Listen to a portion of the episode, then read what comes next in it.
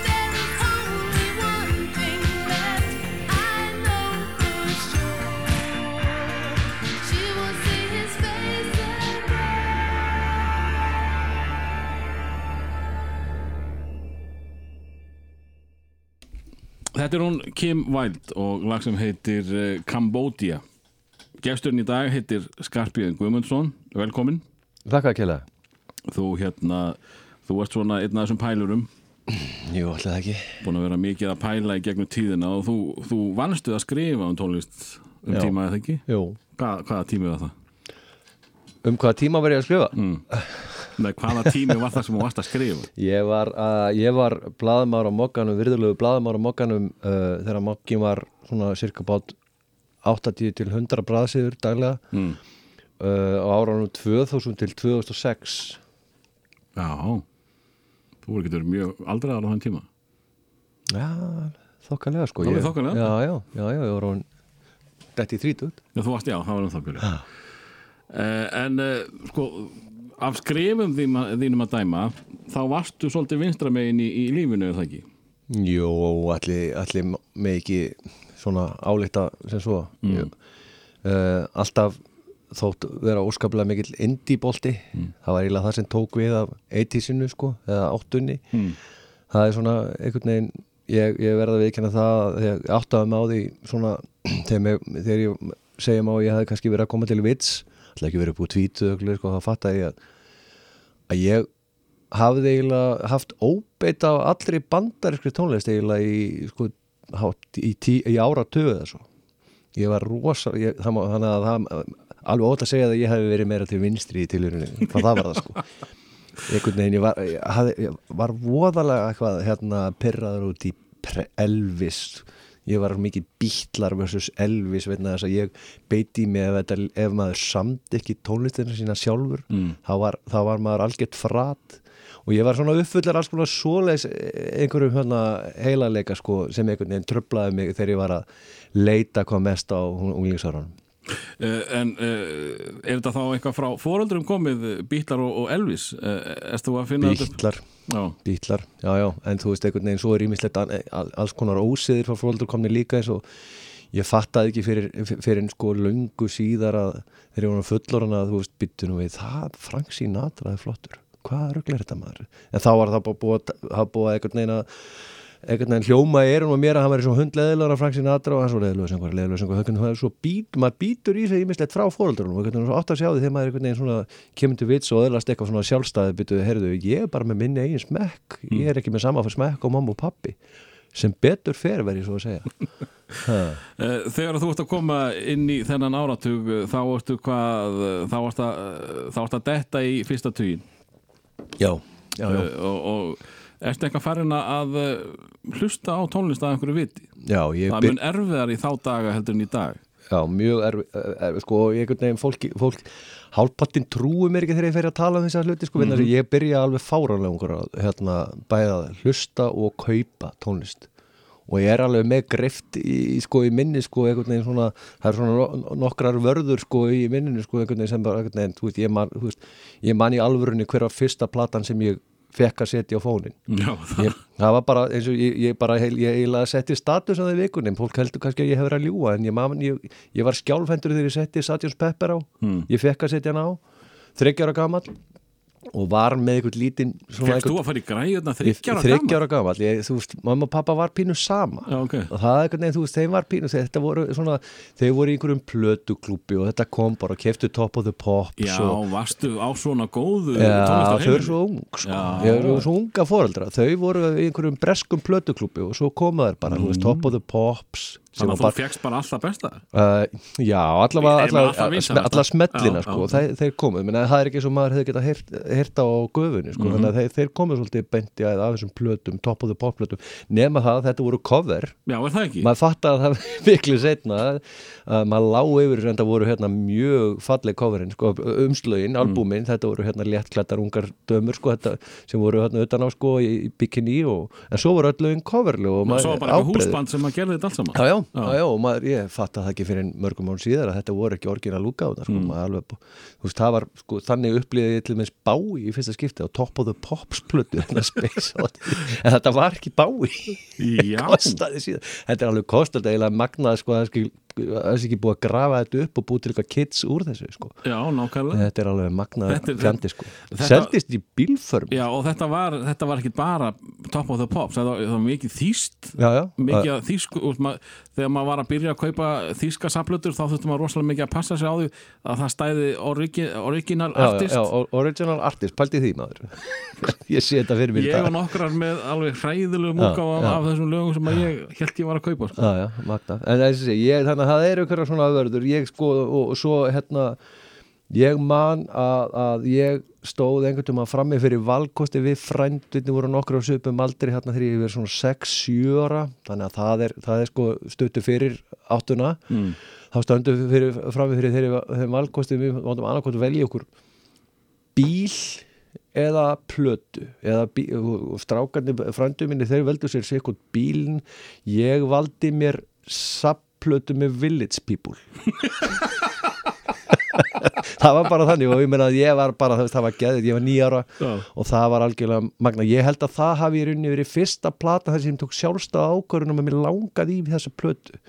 Þú Ég- nýjára ha, ég er nýjára þá. Ég held að ég hef ekki eignast plötu fyrir ég var 12-13 ára sko. Uh, svipaleiti þá lét, uh, þá, einmitt, þá lendi ekki látum fyrir fengi, HLH flokkin sko Mm. því að það fylgdi með briljantintúpa og hérna og, já, og það er til myndir af kauða sko með briljantín í hárunu já, já, Já. prófaði einu sinni, það var algjöru viðbjöður algjöru viðbjöður í hárið. Og, og, og þannig að þetta byrjaði svolítið snemma einhvern veginn að ég hérna, fó, þú veist, þegar að hérna, ég fekk alltaf plötur í jólagjöf og, og ég, svona, ég, ég valdi þetta, ég man einhvern veginn þegar hérna, allir að gefa í kringum 80, 81 þá er ég nýjára nei, ég, sem sagt, nei, þá þegar ég segist nei, nei, ég var 6 ára þegar ég valdi Village People ok, Já, já. Uh, ég var nýjára þegar, að- þegar og þá erum við komið til 81 þá hérna, voru tvær plötu sem ég langaði geðveikislega mikið í og þá var verið auglýsaði grimt í, í sjónvarpinu uh, báða tvær uh, önnur plata var glæn í með alveg sko hverjum hittar nú að fættir öðrum. Og, og svo, svo var það þessi sem einhvern veginn var einhvern veginn hún var svo, hún var svo útblásin af þekktum lögum að ég var með döðlangaði hérna og náði náði einhvern fór einhvern veginn í bæ og lögði þetta smotni með pappa og bróðara sem er yngri og nær mér í aldri pappi hefur, ég held að pappi hafi verið pínu þunnur, hann var alltaf með eitthvað sáfiskupið þannig að hann það einhvern veginn bauð mér að þú veist að gaf með plött og ég stóð með tvær í fanginu hvora, sko ég mátti bara fá eina og það var sko og þær voru mjög dýrar á já, þessum tíma. já, það var big deal að fá plötu sko. Og það var sem sagt eins og maður kalla þá Reo Speedwagon. Mm. ég High Fidelity ég held það ekki, ég held að með Me Keep On Loving You og In Your Letter og þessi lög sko, Geggjuð plata, já, maður. geggjuplata og, og, og það var nýtt. það var nýja platan, hinn var Dr. Who Greatest Hits. Já, já, sem eins og ég segi, hún var útbólgin af, af, af lögum sem maður þekkti og ég var alltaf svolítið veiku fyrir Silvías Mother þá held ég. mm uh, ég veit ekki hvort ég að ég vali rétt alltaf, ég valdi allavega Dr. Hook Greatest Hits, ég held að það hafi verið meira svona value for money eitthvað svona, það, þessi, maður fekk svo sjálfna blötu, já, fleiri smellir. Fleiri smellir. Ég, ég tengi vel við Dr. Hook sko að ég náttúrulega er alveg upp í kanan. Ég fekk uh, mína já ég segi stereogræður, ég fekk einn hátalara með einhverjum magnara frá pappa sko. Uh, ég hef samt verið orðin alveg nýjára þegar ég fekk, eða jafnvel tíjára Já. en uh, maður gæt sem sagt hlustað útvarp og það var plötuspilari Já, þetta var, voru mína græjur bara þang til ég fluttað heiman held ég. Uh, ég fekk aldrei svona fermingagræjur en uh, sko kanin gaf manni, þessa tónlist. Uh, Speedwagon og, og, og Dr. Hook Já, og, sem að lifir ennþá nokkuð góðu lífi í manni. Í manni sko, en Já. ef við, ef við erum að tala um glemdar perlur, ef maður pæli, þetta er eiginlega bara svolítið glemt sko, við, þú veist, þetta, þessi, þetta kana dæmi sko, Mm. eins, og, eins og, þú veist, við erum ekkert að heyra, þú veist, að, sko, bylgjan er ekki að spila þetta staðaldri sko, eins og, nei, nei og með eins og með Dr. Hook sko, þetta bara, sko, þetta glumdi ég er alveg með- gegnum kanan sko, Já. því að maður var með kanan á í bílum þeir voru líka bara risar hérna á Íslandi já, já, á, á, á, á sko, voru ekki á miðbylgjunni hérna, ekki Já, ég held það og þetta, sé, það var bara valkosturinn, þú veist, það var hinn valkosturinn. Við, við sko bara hlusta á Jón Múla og Pétur blessu sér minning þeirra og allt það. Mm. en þetta var hinn valkosturinn og það er alltaf bara ekkert annað að gera heldur en að eh, hlusta á bara hérna, einmitt, þessa radio-friendly hérna, amerísku tónlist, kannski var þetta óþól mitt sko í garð amer, ameríska tónlistar eitthvað tengt þessum kana, þessu sko æskunni og einhvern veginn, það gæti verið Já. að því þetta var sko, það sem við fengum var mikið country. Já, mikið country það var yðnaðarokkið yðnaður okki, hataði yðnaður okki og, og svo, svo þessar eh, svona popperlur eins og sko, svona, hvað heitir það, skúturokk Já, mjög skrítið að hlusta á þættinans flossa, það sem hann er einhvern veginn að analýsera yðnaðar Já. það er einhvern veginn, það bara einhvern veginn fyrir ekki saman en einhvern svo einhvern veginn er maður bara alltaf svo sem, verandi nördin sem maður er sko einhvern veginn alltaf heillar að því þegar menn einhvern veginn leggji þá vinna að analýsera tónlist. Og þá skiptir engum máli hvaða tónlist það er þú hefur örugglega lúms gaman að því þegar einhverju analýsera já þegar menn fara djúft Já, já, já, og e, sama gerist með þennan þegar Floss er að analýsera yðnarokki sem einhvern veginn ég tók algjörlega út fyrir þá tónlist Journey og Foreigner og allt þetta. Þetta var bara síðasta svort fyrir mína parta þegar ég var sérstaklega komin aðeins yfir í indie-deildina sko, þú veist þá bara og svo tók Spandexi við og, og, og hérna, þú veist, Choir Boys fannst með það umulasta sem hafði komið fram og allavega komið til Ísland sko. Já, ég held að það sé ennþá í því sæti bara sko. Eh, En færum okkur aðeins yfir á þennan áratug. Þú talar um þá svo unga fóreldar þannig að þú hefur vantilega verið elstur. Já, og eh, en þitt fólk reynilega sko, með fullta af efni uh, heima við til þess að hlusta á já, já uh, voruð þið ennþá Nei, þau hættu, þau bara, þú veist, einhvern veginn, þetta er svona, eh, þau fa falli í þann flokk uh, fólk sem einhvern veginn bara um leið og þau svona náðu þrítugu, þá, voru þau- þá voru þau bara orðin fullorðin. Já, Þá var bara, þá hættu þau eitthvað plötur og einhvern veginn mamma sem hafði svona, pappi bara festist í 60s, mm. Svolítið, hann áði aldrei mikið inn í einu sinni, sko, sjö- áttunda áratugin, sko. Mamma á heiðurinn á því að, eh, einhvern veginn að halda með, hún kynni mig fyrir ELO og Queen og, og, og svona þess, því sem sko er á 8. áratugnum og, Mm. en með svona ákveðin, ágerandi smekk og svona, á, á tónlist þannig að ég svona ég, hún heldur með e- e- efni og ég svona ég tengi kannski frekar við það sko en, en svo var ég bara mjög fljótlega bara mjög sjálfstæður í því einhvern veginn. Ég var til þess að hlusta á alltaf að, sko, alltarar plötur úr þeirra safni heldur en þau sjálf sko. Veist, ég, hérna, það var ímyndilegt það, það sem ég var aukvöld en ég, ég hlusta á þetta þau hafa kannski átt einhverja svona 40 plötur en ég hlusta á þetta allt upp í lagna sko. og einhvern veginn þek, þek, þekkti þetta út og, út og inn sko þannig að eins og sé þá myndaðist þá náttúrulega bara þessi þörf fyrir það bara eignast mínar eigin og þú veist eins og ég er alveg vissum að mamma hafi verið svolítið veik fyrir People og þar alveg endi hafi ég einhvern veginn fallið fyrir því líka og ekki var þetta, að spila þetta í útarpinu einhver staðar hef ég heyrt þetta Mm. Já, þetta er náttúrulega verið eitthvað í lögum fólk Ég lögum Það er 40 eina. mínna þætti, Já.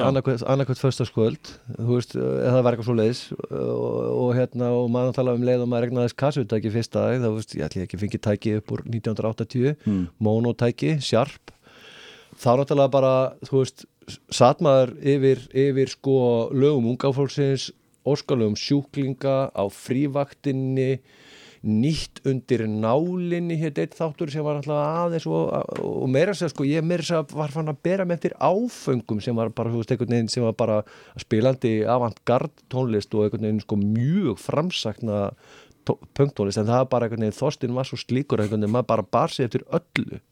Krosskátan eða eitthvað það var einhvern veginn sem einhverju svoleiðis þættir einhvern veginn ef, skerkina dittin eitt dægulag þá, var maður bara að vita hvað það var og maður var tilbúin á tökkunum sko, á rektakanum og pleittakanum ef skekinni þegar þú lýsir þessu var ansi erfitt að vera tónlistaráhuga maður uh, ungur tónlistarmaður uh, tónlistaráhuga maður á þessum tíma. Já. og náttúrulega fyrir líka. Og þegar maður komið lengra sko með, lög- hvað var alveg unga hólsins Mm. þá var þetta mjög fljótlega að fara að snúast um bara þetta eina lokalag.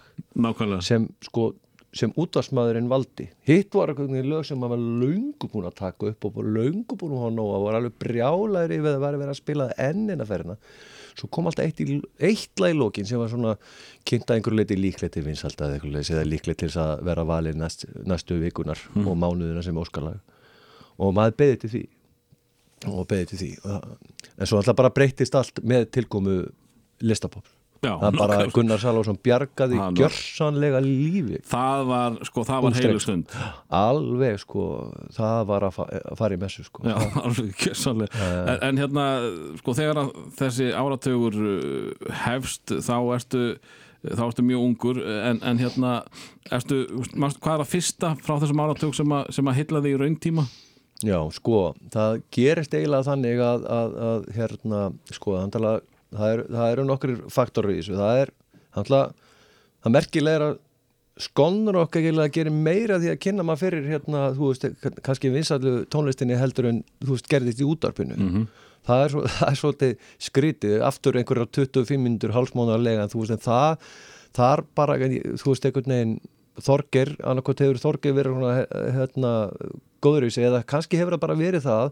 Ég, sko, Jónatan hérna Garðarsson sem allt veit um sérstaklega um þetta tímabil og var náttúrulega á kafi í hljónblötu útgó og innflutningi Hann á náttúrulega rosalega mikið í okkur Ge- með get- öllum saplutunum alveg sko. klárlega með saflutunum og getur örgulega staðfest að ég get ímynda mér ástæðan fyrir því að, hérna, að, maður, að mörguleiti hafi verið bóð upp á nýrri og ferskari tónlist í skonaróki heldur en var í bóði í útvarpinu hafi verið hreinlega svo að þarna var einhvern veginn bein línaði gegnum útgáðunar, blötu útgáðunar þar hafa örgulega retta þessum tónlistamindböndum Nákvæmlega. Og þá detti mér í huga þess að það hefði einhvern veginn meiri ferskleiki þar menn ég man bara, þú veist, maður heyrir í Classic Nouveau og Ultravox og þessum böndum sko ég held að Don't You Want Me ég held ég hafi séð það og bara heyrt í sko fyrsta skipti einmitt í gennum Skonrock Já, já, ég þetta eru lög sem bara hvert öðru, hver- hvert öðru voru í Skonrocki uh, ég Ég, ég, menn sé að þátturinn sem að Don't Go kom í skonurorkið Mm.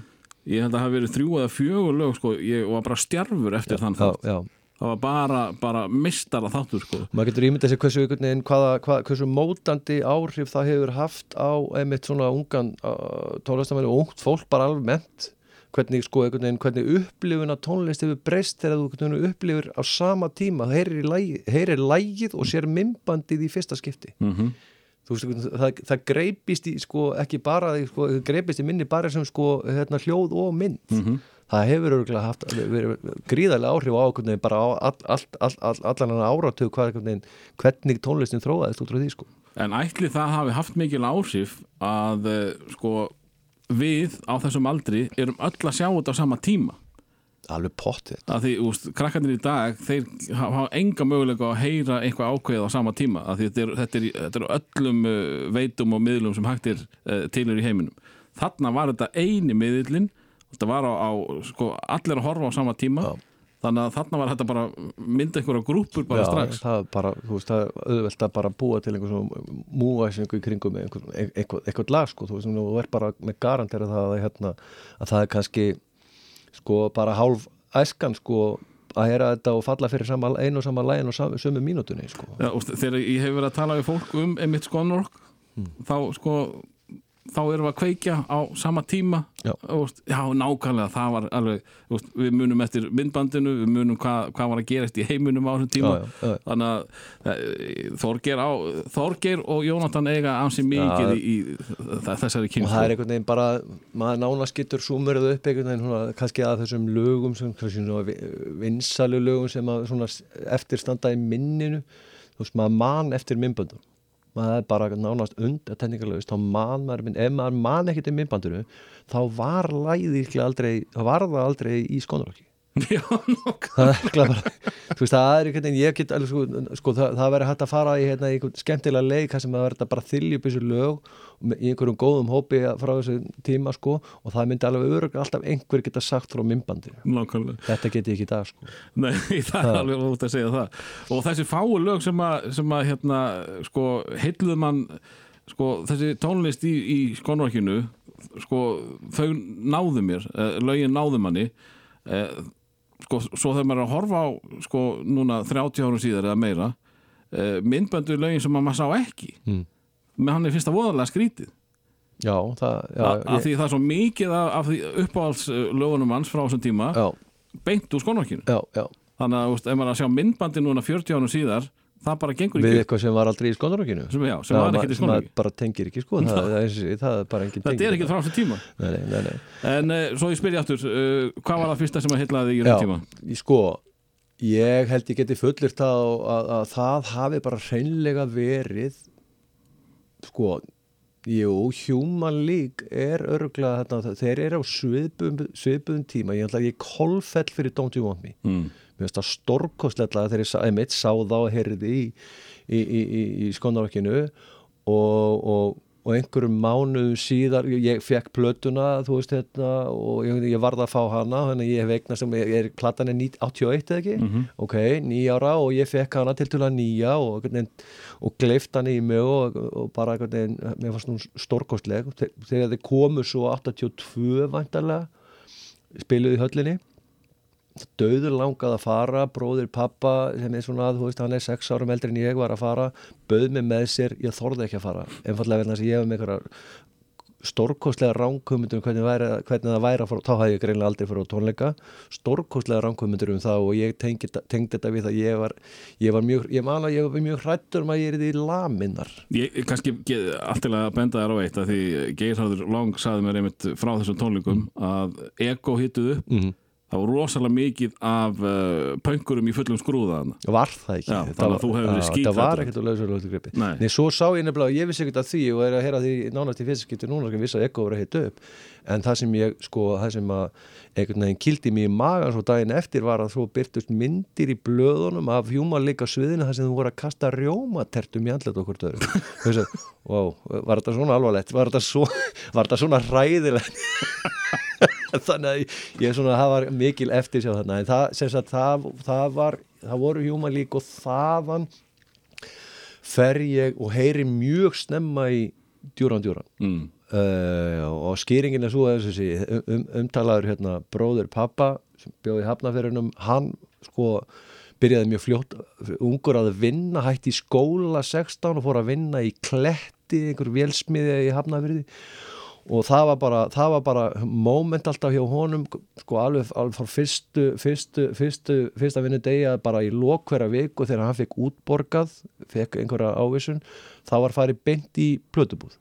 Og það var bara keift, keift tónlist. Og ég sko bara, hérna, þetta var alltaf á föstum lögutasmótni fór ég þá fór ég með pappa í, sko, til ömmu og afa í heimsókn inn í herbyggi til hans og við hlustuðum á þetta sem hann var að kaupa sér. Já, og hann var mjög fljótur að stökkva á punk tónlist og kefti alla svona, svona allt, kolfell fyrir punki og var þar sko. En svo eh, í ljósið þess að hann var svona svolítið röf sko kefti þú veist, þú veist, þú veist kefti sömt þungarokk bara sem einhvern veginn gat fallið í þá hérna, þá kategóri að vera nógu rátt og ferst og skemmtilegt.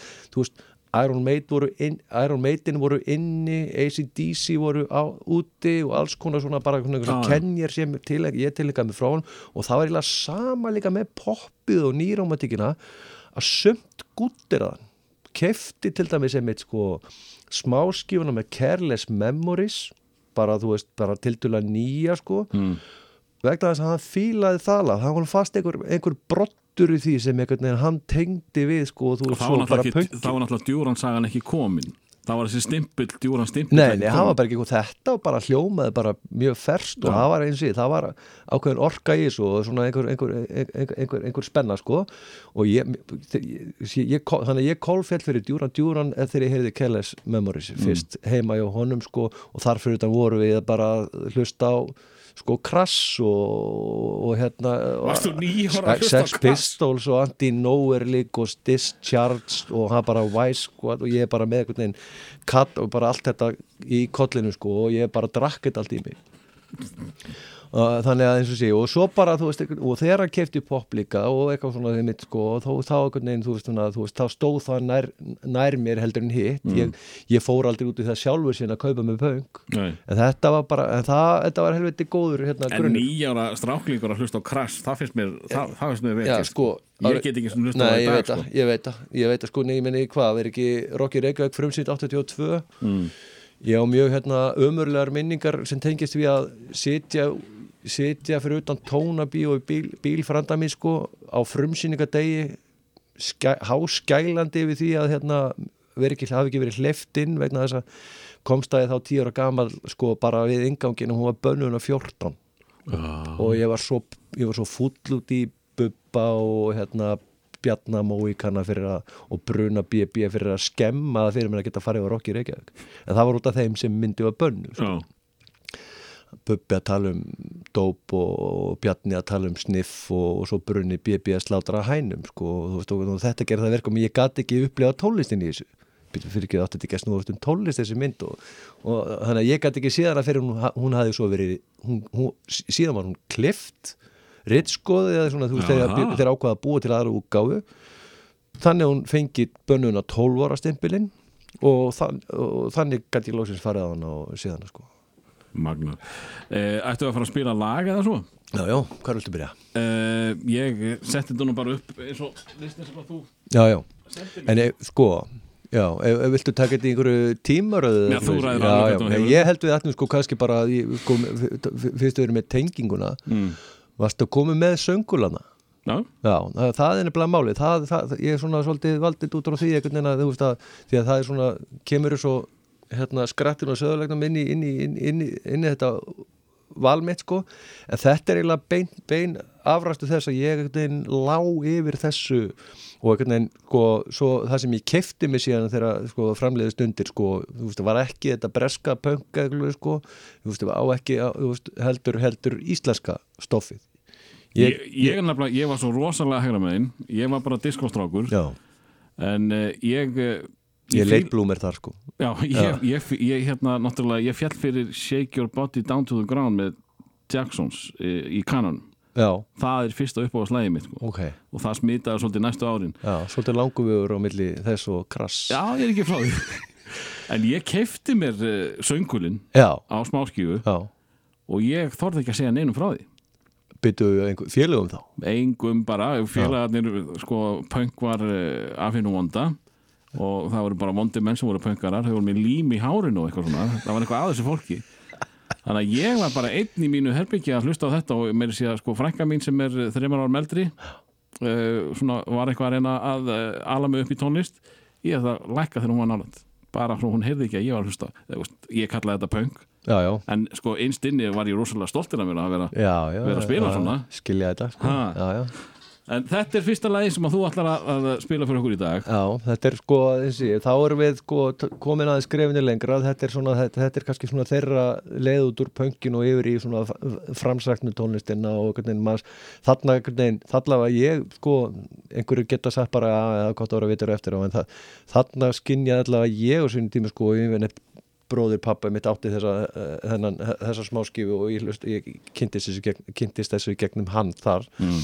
uh, að hlusta á þetta svo ég, þurfti að, ég kefti, þessar pöngblötur íslensku eftir á sko. Já, eftir að hérna, ég voru núlingur sjálfur og, og hérna, varða eignastar en þannig, þannig að þegar, þegar ég heyrði þetta þá einhvern veginn þá ég bara einmitt, mér fannst bara það hliti að gerast að, að hérna, veist, þau voru þá eitthvað byrjuð að daðra við hérna útlend sko. Mhm. það var svona Killing Joke voru byrjað að hérna, mjög utanið og hérna svona gera hósu sína græna fyrir þeim sko Mhm. þannig að ég, nein, það skinjaði að hérna, það verður eitthvað meira með þessa krakka heldur en þau séu bara eitthvað hérna, að spila hérna á, á sko, hérna, hvað þetta er að rikkrokk í fellanum og melavelli sko. ég er nefnilega, sko, mér var alveg saman um þess að gerli sem var að syngja þarna það eru trómatar og bassi að og bassi líka Já. þetta er kukl og lag sem heitir Söngull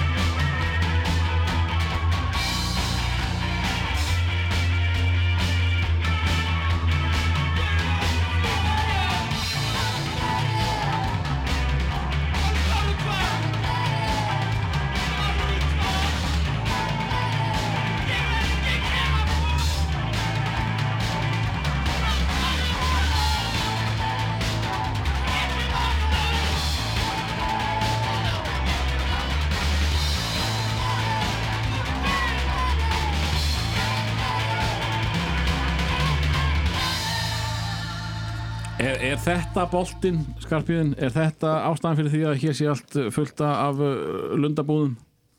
Já, ég klárlega ég er bara, hérna, ég er samfarrið um það hvað, uh, það hafi einmitt, þetta er litli snjúboltinn Já, og svo var þetta Sigurmóli og svo var þetta Björk og Já, svo já. var bara Ísland Já. flottast í heimi. Já, sko, ef, ef, við- ef þetta snýst allt um sko að vera réttum, rétta fólki og réttum tíma og réttum stað, sko það voru einhverjir sem kveikt á perinu við þessa krakka, sko á þessum aðeins og þessi, ég menna það, það, það, veist, það þarf ekkert, og getur ímyndað það þurfti ekkert smottir í þarna að ná til erna einhverja aðeila sem skipta máli í Brellandi Mm þú veist, það er ekki svo, þú veist, það, einmitt, það var ekki net og það voru ekki eins og menn hafi verið með einhverja, um, þú veist, það var, engi, það var ekki til sá Íslendingu sem einhvern veginn var með einhver almennið sambönd eitthvað til að tala um, sko, hérna, þú veist, Steinar var með annars konar sambönd, sko, heldur þú það, það var ekki nála þessari kresu. Nei, nei.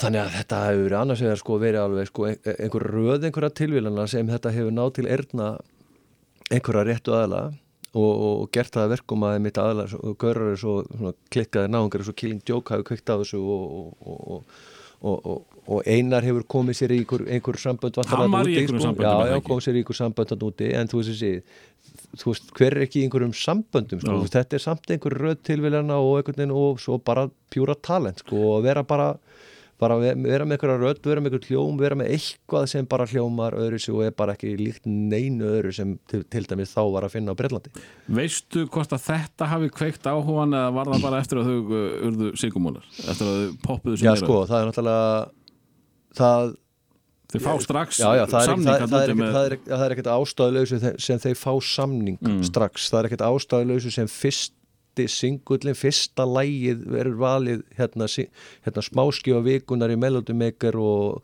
og öruglega enemi líka og, fór strax, og þau fóru strax á forsíðu. Það var búið að byggja upp einhverja spennu í kringu og eitthvað buss Mhm. þann, sem hefur örglega verið sko að byrja svona grassera þarna.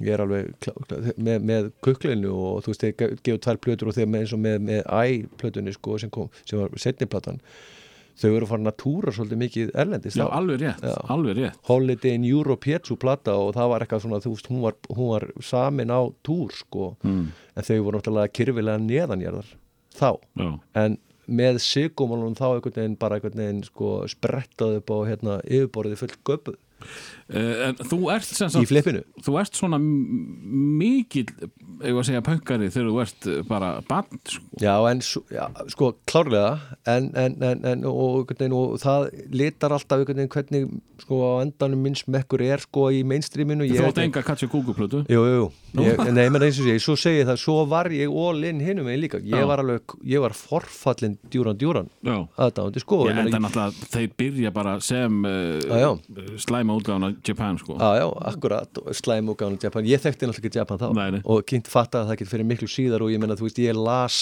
í gegnum djúran djúran, las ég um Japan og Roxy Music og sko, ég segi ekki sko, segi ekki bái en nánast sko, þú veist að, veist, Allir voru að reyna að vera bái Assist to Assist sko, hafði örgulega ómað einhver staðar hérna og, og örgulega hérna Heroes og þetta sko.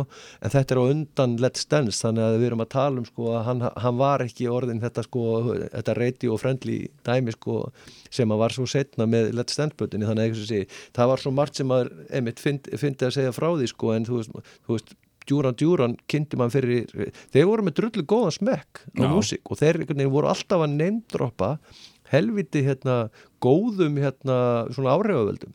Og einmitt eins og, eins og Japan og sérstaklega Roxy Music. Og þetta er einhvern veginn maður rauk í þetta sko þegar maður loksins komst gati, farið í það að leita þá rauk maður í einhvern veginn að hafa upp á þessu liði. Svo gaman að því að minnast á Bái stjörna, Major Tom og, og, og þetta eldgamla dót hans. Mhm.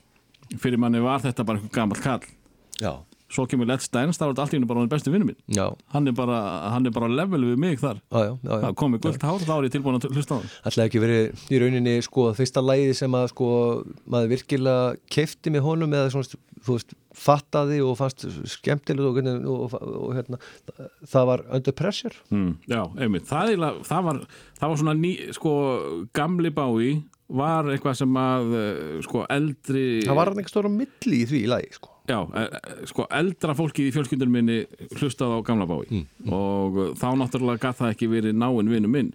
En svo kemur hann þetta með Queen og það, það er náttúrulega frábært lag. Já, geðvillag og, og mér finnst það ennþá ókvæslega gott. alveg meiri átt að þetta. Og það, bara, ég, sko, það er ekkert langt síðan ég satt í einhverju, einhverju partíin og við vorum einhvern veginn að hlusta á þetta lag og velta fyrir einhvern veginn, þetta hefur gert mjög sjaldan allavega sko, að, að það er sko svona tveir svona risar hafa komið saman gert gott, lag já. og þú einhvern veginn heyrir svona svona það besta af báðum einhvern veginn í því sko, koma báður með, mér skilst að bái hafi verið mjög fyr- fyrirferða mikill í stúdíun hann og hinn hafi þurft að lúfa, en, það, eðlilega Queen hljómsveit sko vön því að starfa þannig og hann bái solo Já. En, en einhvern veginn samt einhvern veginn, það er fullt af Queen í því það er fullt af bái í því einhvern veginn svona einhvern veginn, rosalega amrýst, vantilega vegna þess að ég heyrði þetta svo mikið á kanonum Já, já. Það kom mér rosalega óvart að þetta voru breytar já, akkurat, akkurat, þetta, þetta var ekki mjög breyst frá, frá þessum tíma akkurat. en, en sko, þú veist, sem sagt djúran, sko, ég var forfallin djúran fann og ég var einn af þeim sem einhvern veginn Hvað hérstu lengi tríð? 8-10 og Eftir Notorious Já, það var eiginlega með, með notóriu sem ég svona, ég feita át sko. ég, Mm. þetta, þetta, sko, og svo náttúrulega alltaf einhverjar taugar, sko, þú veist uh, svona eitt og eitt lag sem kom á eftir Common Done fannst með frábært Já, já. lag og, og svona einhvern veginn svona Og tvö þarna fyrir plötu, já, það ekki? Ordinary World, Já, sko já. og maður svona einhvern hélt alltaf svolítið eh, með þeim, sko en einhvern veginn, svona ég, þú veist, ég var alveg ar Arcadium að sko frekar en Power Station og Já, eitthvað já. svona, sko, þannig að maður var alveg, sko hélt í vonina en, en sko ég kefti, ég kefti með Ríó glænýja sko, Mm. 82 út í Rísei, þá kefti ég hana og í kaufélaginu þar meiri sem þurfti að, þurfti að fara tvisar út í kaufélagi því að fyrra eintakið við að rispa þannig að ég þurfti að fara að skila því sko Keftir þú Ríó í já, Hrísey? já, það var rispa í My Own Way og, Já. ég, og hérna ég þurfti að fara að skila og hérna, og, hérna já, byggðum annað eintak og, og, og, já, og lengi vel þú veist einhvern veginn þeir eru lengi vel þetta, eh, sko, alltaf ekki verið alveg þar til 85 þar til, þangað til sko öll geðvikin var, sko, hérna tók við varandi djúran og amhetta sko. Þá stóð ég þeirri meiningu og held í alvörun að ég var í langmesti djúran djúran aðdáðan til hans það veri enginn sem gæti mögulega vita meir um djúran djúran en ég eða einhvern veginn skilað og betur og allt þetta sko, og hversu margir eru tilbúinir að lýsa þessi yfir og viðkenna það, sko, þeir að vera á nákvæmlega samastað Já, ég held að þú eigi vola lítið sjens Ertu búin að heyra það sem að Lára Ómast Já, ég er búin að, Já. svo er ég búin að fatta þú veist og þeir eru hérna nokkrir úti sem einhvern veginn er alveg crazy sko. Já, já. En sumir eru ennþá og það, ég veit ekki sko, ég veit ekki hvort maður er hérna, bera virðingu crazy sko, eh, bara geggjun eins og, eins og hann hérna Þóran Þóran, Tóti hérna blaðmaður, hann er bara ennþá þar, hann er bara ennþá í djúran. Já, það, Já, já, það og, og finnst bara fín það bara Nýja staffið ekkert- fínt.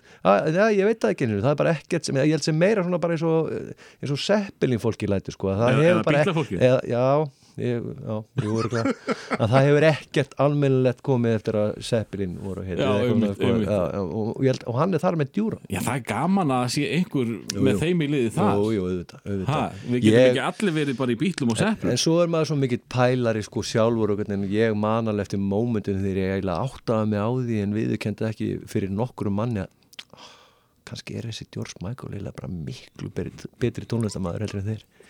Ég held að það verið mér sem mjög snemma sko, ég held að mér sem þeir he- heyrði sko, sko fyrst sko Careless Whisper mm. og einmitt verandi svona pælari sko og ég var alltaf verið svona mikill sökkar fyrir melodíum og svona sko þó ég hafi verið alveg ólinn djúran og mér fannst að vam vera hérna svolítið soft þá fannst mér svolítið skrítið þegar ég var að lesa á coverið og eða svona hérna, hérna kredit og kom kafina hans samditt allt og hann var pródusent Mm. og, og spilað á flest hljóðfari og þetta fannst manni skrítið og hann var yngri en djúran mér sem Já, veist, hann var bara miklu merkilega þegar maður gerir sér grein og fyrir bara sko. hérna, bara, herriðu, þetta er nú bara eitthvað hérna undrabann og svo alltaf bara einhvern veginn sko afopnaðis maður algjörlega þegar hann gátt fyrstu sólubötuna Faith og I Want Your Sex var með bara frábært lag og veginn bara trúði ekki hvað sem mikil snillingur þetta væri sko. Veistu hvað það var sem að feldi mig með, með Joe Smengul? Ég var nú svolítið vammari af því að þeir voru disco á fyrstu plötunni svo sko, svona dopnaði áhugina á annari plötunni.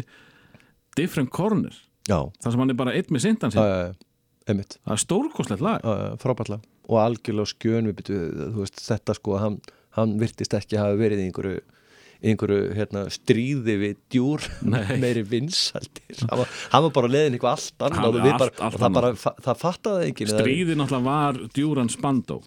Já. Það bara, veist, við fengum Já, aldrei þær upplýsingar hérna á Íslandi. Já, ég menn það, það, það stríð var líkt bara svo fljótti líkta sko, þó, það. að- þó svo að sko, spanda hafa örglega einhver leiti eins og í Bretlandi ég held að þeirra hafi selt meira heldur en djúran sko, eins og út af trúplötinni, hún var svo mega stór sko. Já, og, og, trúlægið og platan svo með gold og trú, ég held að það hefði einhvern veginn svona, enda sko er það miklu mikar heldur en djúran, ég held að það hefði svona höfða meira til meðaldra já, það er náðuruglega lengra upp sko. já, já, og En- það var svona En ég held að heilt yfir hafi, hafi Djúran alltaf selt miklu meira sko worldwide alveg klálega, klálega, klálega. Ég held að Spandó hefði verið meira brest dæmi sko. og það var bara þessi plata þú veist, fyrsta plata var pínu indie önnur plata, var það ekki trú, var það ekki önnur platan Já, ennur að þriðja, jú, jú, jú, hún var svo, svo, 83 bara, svo hoppuðu niður á bjarginu sko, Já, já. og alveg drefliðileg En þeir bræður, til dæmis, og þú veist, þeir eru sko bara stóri, Martin og Gary Kemp, sko, Martin er bara, sko, hann er alltaf í já. í Berlandi, sko, hann var í Ístenders þáttunum í mörg ár og hann er, hann er eitt af þessum nöfnum sem er alltaf að dúkka upp í öllum spurningaþáttum er dómar í þessum ædólum og þessu sko, þú veist, hann er bara Hann er risastjarna. Já, hann er risastjarna, sko, Ég, held er að, ég held að hann myndi fá alveg mjög fínan fyrir hérna á Götun Reykjavík Já, nefnum kannski frá okkur ég veit það ekki uh, höldum frá með tónlist Já. og uh, sko ég skal viðkynna það að uh, þetta er ekki alveg reynd val hjá Skarpa í þetta sinn vegna þess að uh, lægi sem hann valdi var komið Já. uh, Jónatan tók það en einhver að síður mjög vel valið Ég skaut strax öðru lagi hérna inn bara sem valkosti 2 mm. Einfallega vegna sem ég bara alltaf viðkenna strax að ég var ekkert að hlusta á þetta þá Mm.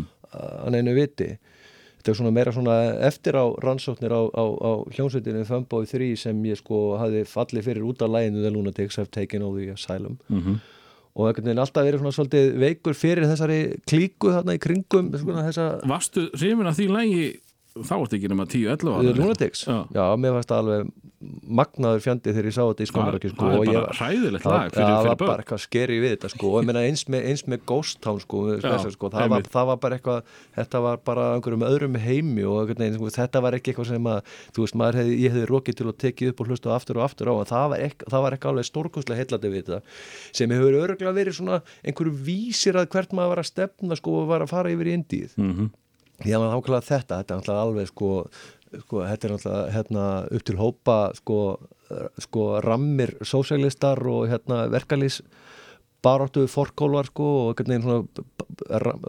rampólitískir og veginn, maður var ekkert að hlusta á textana sko Nei. þá en það, það, það var veginn, þeir voru þarna í þessu til að breyta heiminum og breyta samfélaginu kringu sig og, og það var veginn og þeir voru reyðir og það kom punkttengingin þar líka og þeir voru með hári út í loftu og þeir voru, og þeir voru sko, sko, báð, sko þeir voru, það voru það auðvið saman svörtu og hvítu fólki í þessu bandi og allt sko sem var bara, sem var fáhýrt þetta líka. Nákvæmlega. Sem var bara eitthvað skrítið og heillandi og spennandi og þetta er, þetta er sko frábært en þetta ber svona vott um þetta lag svona vísir að því sko þeir eru greinlega mjög lestir á tónlist og mikið að pæla þessi gaurar sko þarna í þessu kringum hérna Fumbo 3 og Specials og þetta sko þeir, það er svona, það eru áhrifin koma svo við að og einmitt úr, úr, úr hérna Motown og þeir voru mjög upptæknir af soul tónlist og R&B og sem bara komið svo skrattin og söguleikum var einhvern veginn algjörlega framandi fyrir manni sko þú veist sem tíur að pjakki sko þá.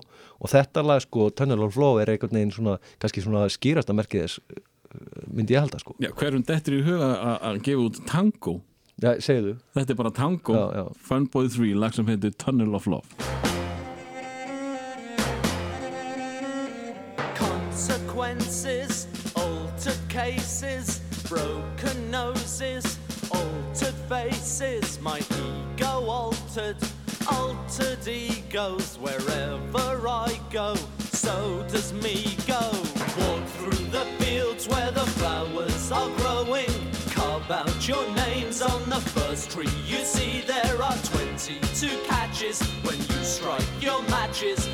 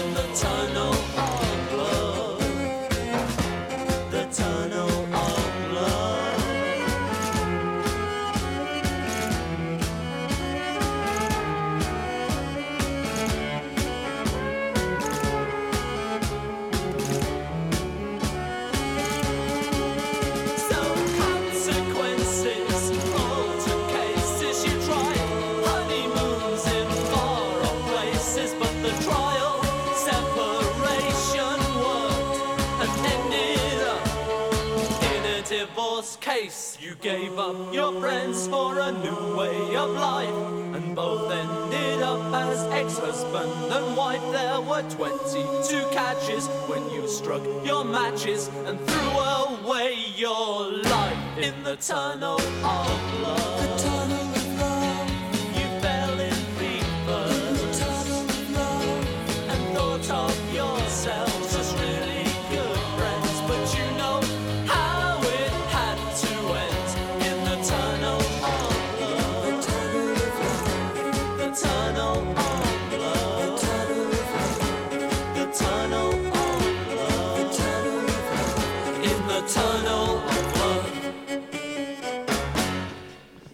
Tango fyrir uh, fólkið, þetta er hljómsveitin Funboy 3 og Tunnel of Love.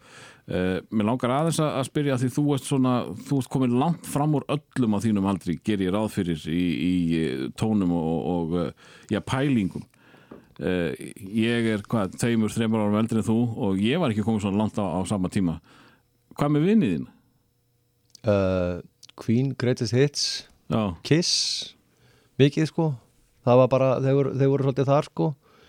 Ég sko, maður tók alveg svona sín skeið í því og maður, maður vildi vera með þar sko en ég, þú veist hérna ég gekk ekki að einhvern veginn að kristna þá sko ekki með nokkur þurftu móti. þú bara að vera einn með, með ég var svolítið mikið já, ég var svolítið mikið eitt sko. Ég, Já. hérna, eins og sé, áður en að áður en að hérna, áður en að rást tvö fór í loftið þú veist, einhvern veginn, þú veist, ég man eftir ég, það gerðist endrum og sinnum að það svona döttin svona mentaskóla útvarp. Mm. ég man til dæmis einhvern tímann að það var útvarp Flensborg sem ég, ná, sem, sem ég náði upp í Efrabreðal sko í, í, í fellin.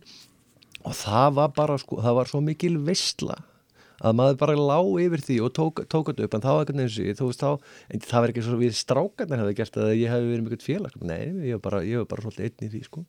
Ég er átt að með einu þegar þú talar um breiðholtið. Já, það er ótrúlega margir úr breiðholtinu sem, sem að eru með í þessari sériu ég er ekki það, þetta er ekki vinir mínur úr breiðholti en uh, það er greinlega þið hafi verið mjög framælega tónlistilega séð í, í breiðholtinu. Þetta er bara svo mikil söðu, það var svo sjúklega mikið að krökkum. Það þetta þetta voru fjölmunistu bekkir í sko á landinu þá. Mm. þú veist það var fyrst fellaskóli svo var á Hólabergarskóli og erum að tala um alveg gríðarlega fjölga, fjölda í hverjum árgangi sko, alveg, sko þetta er aldrei gútur þetta. En, en eh, sko viniðinir ná ekki miklu sambandi við þig og þína tónlist á þessum tíma. Uh, stó, og þá vantarlega bekkurinn og stelpunnar og allt þetta. Þannig að ertu bara alltaf ungu til þess að þú, þú ert ekki að mæta með eitthvað í partí Nei, ég gætt ekkert grætt á þessari tónlist. Nei, það var gerast. ekki neitt, sko, það var ekki fyrir bara einmitt í Gago, sko. Mm. þá, þá, og ég var DJ hefur 15 í nýjunda bekk, sko. Já, og þá lendi ég einmitt í smá rimmu og við vorum þrýr og það var veginn alltaf smá tókstrita sko hinn í strákarnir vildi spila Jackson og Rick Astley og ég var svona meira einhvern veginn að reyna að koma kjúr og, og ég bara reyndar Sim- Simple Minds og Don't You Care About Me og eitthvað svona dæmi sko var það ómikið fyrir það?